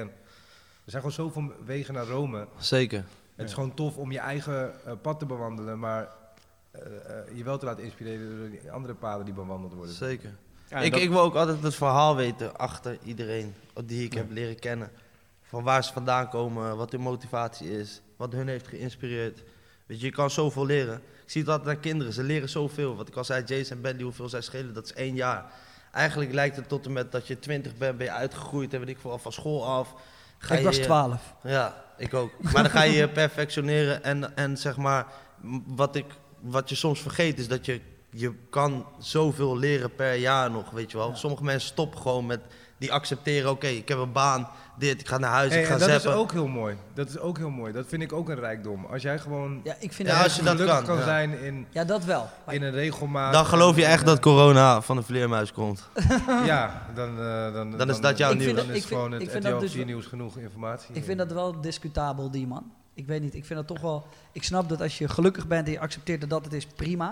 Maar er zijn ook mensen die gewoon gaan zitten en het accepteren en het niet prima vinden, maar er wel altijd... Ik denk dat ehm, eh, gelukkig zijn in eenvoud is, is, is, is, is het mooiste wat er is. Het is bijna de grootste rijkdom. Maar ook. ongelukkig zijn in eh, het niet naleven van je dromen, ja, dat is gewoon niet goed. Dat, dat is nooit goed. Dus als jij niet tevreden bent eigenlijk met gewoon elke avond om zes uur met een bord eten op je schoot, Ja. elke dag hetzelfde, weet ik veel, tv kijken en eh, dan naar bed. Heb je, En, heb je eh, niet soms dat je, dat je periodes had je, dat, je dacht van, had ik dat maar. Dat ik thuis Tuurlijk. kwam en ik had gewoon nul aan mijn hoofd, behalve hoe laat ik morgen op mijn werk moet zijn. ja. Weet je, dat is ook gek. Soms, Ja, ik soms ben wil, je, wel, eh, wil je even dat of zo. Ik ben wel een gekke guy. Ik heb echt soort van altijd shit gehad of zo. Ik weet niet. Ik ben echt een soort van lopende soapserie. Maar ehm, wat ik wel had is, eh, omdat jij, ik weet niet wie dat vroeg, van wilde je altijd miljonair zijn of zo? Ja, dat vroeg ik. Eigenlijk als ik er nu wat langer over de vraag nadenk, moet ik zeggen dat mijn vader is echt een grote inspiratie voor en eigenlijk mijn ouders. Weet je, ik heb hem gewoon van niet, niet iets zien maken. En uiteindelijk hebben mijn ouders het gewoon eh, echt, echt ver geschopt. En ehm, dat wilde ik gewoon heel graag ook laten zien aan mijn vader, dat ik dat ook kon, zeg maar. Ja, zeker. En eh, eh, ook zelf, dus niet met hulp of wat dan ook, ook altijd met trots. Ik vond ook echt dat toen ik om mezelf ging, wonen, vond ik dat ook geen optie om ooit terug te gaan. Nee man, ik dan ook ook, niet. weet je wel. Ik heb gekke, gekke struggles gehad. Hè. Ik kon mijn shit niet betalen, had geen eten. Ik heb nooit mijn moeder gebeld. Ik, mijn trots, ik kon dat niet aan. Weet je, en dat ik achteraf dat wel eens tegen mijn moeder had bete- verteld dat ze moest huilen van waarom heb je me niet gebeld. Maar je weet ik wou het zelf voor elkaar krijgen. En ik heb heel veel geleerd aan mijn vader, die, die had een hoge baan bij KLM en die had goed geld, zeg maar. En ehm, toen ik zeg maar, dat uit mijn huis werd gezet en had ik eh, 3.500 euro had ik nodig of zo, om uit de shit te komen en gewoon een woning te hebben. En hij zei, nee man, je hebt jezelf in de shit gewerkt, nu ga je jezelf eruit halen ook. En toen haatte ik hem voor, da- voor dat, maar nu bedank ik hem voor dat. Ja, ik heb ook heel erg in de shit gezeten. Echt, ik had echt een kwart ton aan schulden. En de allerergste schuldeisers, dat was gelukkig ook een paar duizend euro, die heeft mijn vader wel volgehouden, maar die heb ik hem ook moeten terugbetalen. Zeg maar, ik, eh, ja, einde van de dag heeft dat wel mij gemaakt wie ik was. En heb ik ook wel die soort van bewijzingsdrang gehad. En misschien heeft het ook, is het ook weer een downfall. Ik probeer dan nu wel weer daar een nuance in te vinden naar mijn eigen kind. Om wel, ja, die hoge eisen die ik aan mezelf stel, zijn echt soort van bijna ongezond. Ja. Dus ik wil dat wel weer een beetje down tonen. Maar bijvoorbeeld, ja, van de week was er een kind in mijn wijk, die had dan eh, een motortje. En November kijkt daarnaar en die ziet gewoon een berg goud, zeg maar. Ja. Gewoon, Ja, ja, ja, ja. En dan denk ik van, nee, ik ga die motor niet voor hem kopen, want ik weet precies dat ik dat vroeger wilde en dat ik dat niet kreeg. En dat ik daardoor bleef dromen, weet je wel. Ik Ja. wou voor november een, eh, een auto kopen waar hij zelf in kon rijden. zei ik tegen Leo, vind je het erg als ik deze auto koop? En toen zei, eh, kreeg ik een, een appje van René. Ik denk niet dat jij die auto gaat kopen. Ik zeg, hoezo niet? Ja, wat denk je? Hoe, denk je, hoe verwend denk je dat die wordt? Ja. Doe even niet, doe even normaal. Hoe kijk jij daarna dan met je kids? Krijgen ze alles? Ja, Die van mij begonnen met een Range Rovertje. en nu rijden ze op quad. Ja, ik zie ze soms, ik, soms zie ik ze voorbij en dan denk ik, hè, zit hij nou op een crossmotor? Hij is drie. Nee, Zo. maar ik, ik oordeel niet, hè. Dus, dus Nee, ik, denk, ik, ik, ik, ik heb altijd die, die vader, weet je wel, die ik zelf had willen hebben. Niet lullig tegenover mijn vader, maar die wil ik wel zijn of zo. Weet je Ja, wel? En ik, nee. ik snap wat, je, wat jij eh, bedoelt. Ik weet erg. dat als, als, ik, als ik zeg maar. ehm, ik denk ook dat. de- als mijn vader die, die, die aan mij had willen geven, had hij er zo hard voor gewerkt dat hij mij dat ding had kunnen geven, snap je? Ja. Ik denk dat het ook een bewuste keuze is geweest. En ik vind het gewoon. En dan spreek ik puur voor mezelf. Want ik vind dat. eh, voordat ik kinderen had, wist ik precies hoe iedereen zijn kind moest opvoeden. En op het moment dat je een kind krijgt. Dat dat weet de niemand, snap je? Maar ehm, ik heb wel geleerd te dromen ervan, zeg maar. En ik vind dromen gewoon iets heel moois. Zeker. En als je dan ook nog die dromen bepaald aantal procenten kan naleven, dan is dat al echt gewoon fucking hard. Hoe zit dat nu met je vader dan? Mijn relatie? Ja. Goed. We hebben nu eigenlijk sinds corona meer contact. Mijn vader is echt zo'n zakelijke man, weet je wel. Als ik, eigenlijk als ik contact had met mijn vader was het meeste via zijn vrouw. En eh, nu, zeg maar, hij is erg geïnteresseerd in, oké, hoe ga ik nu met deze situatie om? Eh, wat vind ik van het nieuws en weet ik veel wat allemaal. Dus, dus dan merk ik dat ik meer contact met hem heb, echt, weet je wel, met, met hem. En dat hij echt geïnteresseerd is in hoe ik dit ga aanpakken. En hij heeft ook eh, volgens mij vorig jaar of zo voor het eerst gezegd van dat hij echt trots op me is. En dat had hij nooit echt gezegd. Ik had nooit echt het idee dat hij trots op mij was. En Ja, maar hoe- mijn, mijn ouders hebben dus nu weer bijvoorbeeld, zeggen ze van, eh, toen, toen het nieuws kwam van tot 1 september, dan zeiden ze gewoon tegen mij van, je hebt nu geen inkomen hè, tot Ja. 1 september, echt Ja. rustig aan doen hè. Ik echt zei van, ja, maar ja, ik, ik, ik lach dan gewoon terug, maar ik, ik vind het wel lief, maar ik merk ook wel van... eh, ja, dan, dan kom ik er nu wel achter ook waar bijvoorbeeld dan dat ik denk van ja, maar ja, dit heeft me wel inderdaad ook zo para gemaakt om skeer te worden, weet je wel. Ja, Want hun doen het nu voor mij, terwijl nu moet ik gewoon mezelf vertellen van ja, come on man, don't worry. Kan, het kan gewoon zeker. fysiek niet fout gaan meer, zeg maar. Bij Leo kan het tot eh, 2050 nog corona blijven en het is prima. Ja, ik ben gewoon- Maak je ergens druk een paar maar. Maar hoe, hoe, hoe, hoe komt ineens dat, eh, dat, dat, dat weer tot stand dan? Want ik heb hier wel eens erover gesproken. Had je echt nul contact met hem en wou je dat ook eigenlijk Nee, niet ik had, ik had wel gewoon los contact, maar weinig. Het is gewoon zo gegroeid, weet je. Het is niet zo'n em- ik ben eh, best wel emotionele gozer of zo. En eh, ik ben echt heel anders dan mijn vader. Eigenlijk dan mijn hele familie. Een soort echt zwart schaap. Maar ehm, ja, ik heb nu gewoon, het zijn periodes. Nu hebben we weer meer contact en dan pak je het weer meer op. Wat is het grote verschil tussen jou en je vader dan? Eh, ja, ik weet het niet, man. Ik ben echt een eh, impulsieve gozer. Ik kwam thuis en dan, dan wilden ze dat ik vertelde wat ik buiten deed. Maar dat wou ik nooit vertellen. En dan vertelde ik, ja, ik heb die in elkaar geslagen en die. En dan zeiden ze, ah, hij is gek, je bent gek in je hoofd. En eh, weet je, ja, gewoon heel, we zitten gewoon heel anders in elkaar dan elkaar. Maar ik weet niet, man. Schaamde je vader eh, Zich voor mij? Ja. Ja, ja. Denk Ja? wel, ja. Ja, dat heb ik dan weer niet. Ik heb wel, mijn pa zei ook altijd van ja, als je, als je vast komt te zitten, dan mag het wel, als het voor knok is of zo, dan kom ik je gewoon ophalen. Voor de rest laat ik Nee, het mijn, mijn, mijn vader heeft toen ik eh, één keer was ge- gepakt voor een eh, inbraak, was het volgens mij. Toen had hij mij opgehaald van het politiebureau. En toen in de hele, hele weg eh, terug naar huis zei hij niks. En toen kwam mijn moeder. En eh, uiteindelijk hadden ze een soort van keuze voor mij van... Of je wordt een crimineel en ik ben niet, eh, zeg maar, ik vind het niet erg als je vastzit. Of je gaat iets anders doen en dan word ik boos wanneer je vast komt te zitten. Ja, Dat ik- was een soort van keuze voor mij, van of, of je gaat die kant op. Want bij mij was het lijntje kort, want ik kon ook net zo goed helemaal de andere richting op. Maar dat was voor mij wel besef van, oké, ga ik echt crimineel worden nu of niet? Ja. Mijn vader is wel eens toen ik vast zat gewoon eh naar binnen gelopen. En die heeft gewoon gezegd van, ik weet nog dat ik daar zat met die politieagent. En zei, wat heeft hij gedaan? Ja, dit, dat. Na een tijdje moet je, mogen ze kiezen, weet je wel. Hou- Houden we hem eh, hier? Of mag hij er na zes uur alweer weg? En dan moet je drie dagen blijven zitten in de politiecel. Ja. En toen zei mijn vader, ja, dit is wel echt nu al eh, een paar keer gebeurd. Laat hem maar lekker zitten. Laat hem maar lekker zitten. En ik hoorde dat. Ik hoorde dat. Maar ik, ik mocht niet bij hem. En ik dacht gewoon, motherfucker. motherfucker, je laat me hier gewoon zitten. En toen moest, heb ik gewoon drie dagen politiecel gezeten. Toen kwam ik eruit, toen kwam hij me ophalen. En toen zei hij, zo, dat, eh, hoe was dat? Ik zeg, eh, ja, ik heb gewoon gehoord wat je zei, man. hij zo, ja, dat gaat je niet meer overkomen. En daarna heb ik het ook eigenlijk nooit meer gedaan. Maar toen heeft hij wel mijn spullen gepakt. En toen heeft hij gezegd, ik denk dat het handig is dat jij het eerste de beste rugbycontract tekent. En eh, gewoon lekker naar het buitenland gaat, want eh, hier eh, gaat het eh, anders eh, niet helemaal zoals wij willen. En toen heeft hij me samen met mijn moeder eh, in een eh, busje al mijn spullen geladen. En toen eh, werd ik in Newcastle afgezet. En ik weet nog dat mijn moeder huilend zo... hui- Gaat je hoor? Het, ik weet nog dat mijn moeder zo huilend op het raam klopte terwijl ze wegreden zo. En eh, ja, daar zat ik man, 0 euro niks. En een beetje centjes omdat ik rugbieden, maar that's it. Het beste wat mijn vader ooit heeft gedaan. Ooit. Ik, heb, eh, ik heb een keer eh eh, hypothet- hypothetisch, hypothetisch gesproken, je weet toch? Ja. Een vervoersmiddel dat ik gestolen. En eh, toen kreeg mijn vader daar eh, gehoor van, eh, doordat iemand me had zien rijden die hij ook kende. En eh, toen heeft hij me wel geholpen dat ding eh, te verduisteren. ja, ja, ja.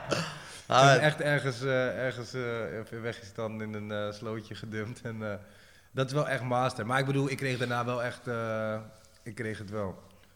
En eh, ehm, zeg maar, kleine dingetjes zijn daarna nog wel gebeurd. Maar ehm, ik weet niet man, het was altijd wel gewoon, mijn normenwaarden zijn wel goed bijgebracht. Maar wel inderdaad, hij had wel zoiets van het hoeft niet via de politie te gaan. Want ik heb ook één keer, had ik, was ik gepakt met halt. Ja. En toen had hij mij inderdaad ook thuis wel echt, echt, ik had wel straf, straf, zeg maar. En toen heeft hij zelf een strafblad gekregen, omdat hij dus weer met justitie in de problemen kwam. Dat hij vond dat ik niet meer hoefde te werken voor hun, zeg maar. Omdat hij het zelf had geregeld. ja. Maar hun wilden gewoon dat ik alsnog ging komen, toch? Dus heeft hij echt lopen schelden met de officier eh, en shit. Wat hij, omdat hij mij niet liet komen, Ja, kreeg ja, ja. hij weer een procesverband. Gek. Ja, ik ben op dit moment eh taakstraf aan het lopen nog. Niet. Ja, ja, ja. Rijden zonder rijbewijs. Politie. Oh, met die, eh, Ja. met die videoclip. Nee, ik, had die, ik was aangehouden eerst, toen was ik mijn rijbewijs kwijtgeraakt. En zo was ik op het idee gekomen voor politie. En toen ehm, was dat allemaal aan het gebeuren. En toen was mijn rijbewijs ingenomen. En toen zat ik nog zeg maar in het proces van dat ik hem terug zou krijgen, maar ik had hem nog niet terug. Toen was ik gepakt met de auto weer. Daarvoor kreeg ik taakstraf. Wat moet je doen dan? Eh, bij een soort buurthuis. Eigenlijk doe ik niks. Beetje je eigen muziek draaien. Nee, koffie drinken en daarna gaat hij weer ergens anders de koffie drinken en ik loop een beetje de hele dag erachteraan. Serieus, ik doe niks. Dus daar zitten mensen in dat buurthuis die zeggen, nou moet je wat ons is overkomen. Zit je, zit je broer hier? Ja, ja, ja. ja. heeft nog koffie te drinken. Ja. Hij vindt die fucking gezellig. Ja. Hij is mooi, maar echt in zo'n volksbuurt, weet je. Al die, al die echte leienaren zitten daar. Jan Kleiers. Mooi, man. Hey, Ik heb gewoon eh, eh, in een uh, bejaardentehuis, vond ik master. Heb ik ook, man. Vond ik echt master, gewoon in een bejaardentehuis met oude mensen werken. ja. Kreeg, ik- heb ik zoveel respect voor Ik heb geen taakstraf eh, gehad, is dat ook goed? Eh? Komt nog wel een keertje hoor, maak je niet druk. Hey, we zijn al twee uur bezig, jongens. Ja, we gaan hem ook hier, eh, want wij, wij, wij kunnen hier met z'n allen nog wel eh, tot morgenochtend blijven zitten. Ehm, ja, mannen, we begonnen eh, met een grote lach en we eindigen uiteindelijk natuurlijk ook met een grote lach. Maar ik denk dat ik hier eh, mag spreken. Dat ik, ik, ik denk dat er een hoop persoonlijke dingen op tafel zijn gegooid. Ik hoop dat mensen meer over jullie hebben geleerd als personen. Dat is ook bij deze podcast denk ik belangrijk voor is. Tuurlijk, tuurlijk. Als ondernemer, als eh, artiest, als eh, vader, als, eh, als miljonair, whatever je het wil noemen allemaal. Nee, dat is helemaal niet belangrijk. Als, als, als, als, als medenbewoner van deze planeet. Oké, nu, weten we dat- nu weten we dat we echt moeten afsluiten. Dankjewel. Nee, tof. Tof als mensen iets van kunnen leren, weet je. Zoals we hier eerder hadden gezegd. Van neem, neem wat mee, stop het in je eigen rugzak. Ga je eigen reis. Ga op onderzoek uit van wat je mooi vindt, wat je leuk vindt. Ik denk dat daar een beetje op neerkomt. Laat het je niet gek maken. Fuck corona, fuck 5G. Ja, ik wilde zeggen, fuck 5G, man. Ja, we gaan niet... eh, stop. Fiction. We gaan niet... ja. Greenmice.nl. Oh, dat mag. Je mag nog heel even... Mooie wil. schoenen, mooie schoenen trouwens heb je aan. Ja, binnenkort Disney schoenen. Eh, In mei liggen ze in de webshop. En eh, laat het duidelijk zijn, greenmeister.nl is nog steeds de plek waar je al je coffeeshops kan vinden in Oh ja. Nederland. Welke, welke site was het? Greenmeister.nl. Tim, wil jij Ah. nog iets ongegeneerd... eh, Ja, hij wil de sowieso zeggen dat hij niet bij het diner was. Sorry daarvoor, nogmaals. Laat ik je Oh, niet nee. even de... Hij was fucked up. Dat is jammer. Wil jij nog iets Ah, hij heeft meerdere fucked up dingen mij geflikt. Maar daar Twee gaan we, keer, gaan we het niet maar- over hebben. Twee keer, maar eh, kijk, die Greenmeister, die neem ik vol. Die andere, Weet jij nog waar het over gaat? Jij, of nee, niet? ja, Want maar ik deze ben het twee helemaal hebben kwijt. discussie. Wij gaan hem Nee, maakt afsluiten. niet uit. Zij gaan met z'n tweeën verder in de discussie. Jordi, dankjewel. Tim, dankjewel. Leo, dankjewel. dit was de podcast. Dit was podcast nummer 2 Absolute op Motors. YouTube. Dankjewel, Absolute Motors. Hey, dankjewel Jordi. voor de speedster. Die neem ik zo mee naar huis. Lekker. Jordi, dankjewel. Je was weer geweldig. Jij ook, dankjewel. Vergeet niet te abonneren. Eh, we hebben nog een eh, codewoord voor de mensen die tot het einde hebben geluisterd. Eierbal. Ik dacht ca- cadeautje. Ei- cadeautje. Eierbal is de, het codewoord. Vergeet niet te abonneren. Doodje. en, jongens, we hebben tegenwoordig een tweede YouTube-kanaal op Day One. Dat is eh, Day One Clips. Daar komen alle clipjes van deze podcast shortform te staan. Dus als je denkt, ik wil niet de hele podcast luisteren, is niet erg. Want je kan ze ook in clipvorm En bekijken. is dat een heel ander kanaal. kanaal? Heel ander kanaal. Dat is een ander YouTube kanaal. Ander En YouTube-kanaal. hoeveel abonnees? Nul nu. En ik hoop dat dat er steeds meer wordt. Maar is het dan even de, of is het echt pas net? Sinds nu. Sinds nu. Ja, sinds nu. Nou, like en. Je hebt me gebruikt. Oké. Ze en ze hebben ons gebruikt van nieuw YouTube. Later. Jij hebt mij gebruikt. Arnhems gewijs. Oh. Ja. Buitengewoon absurd. Je merkt, ik geen reet aan in deze aflevering. Eerlijk. Tabé. Tabé.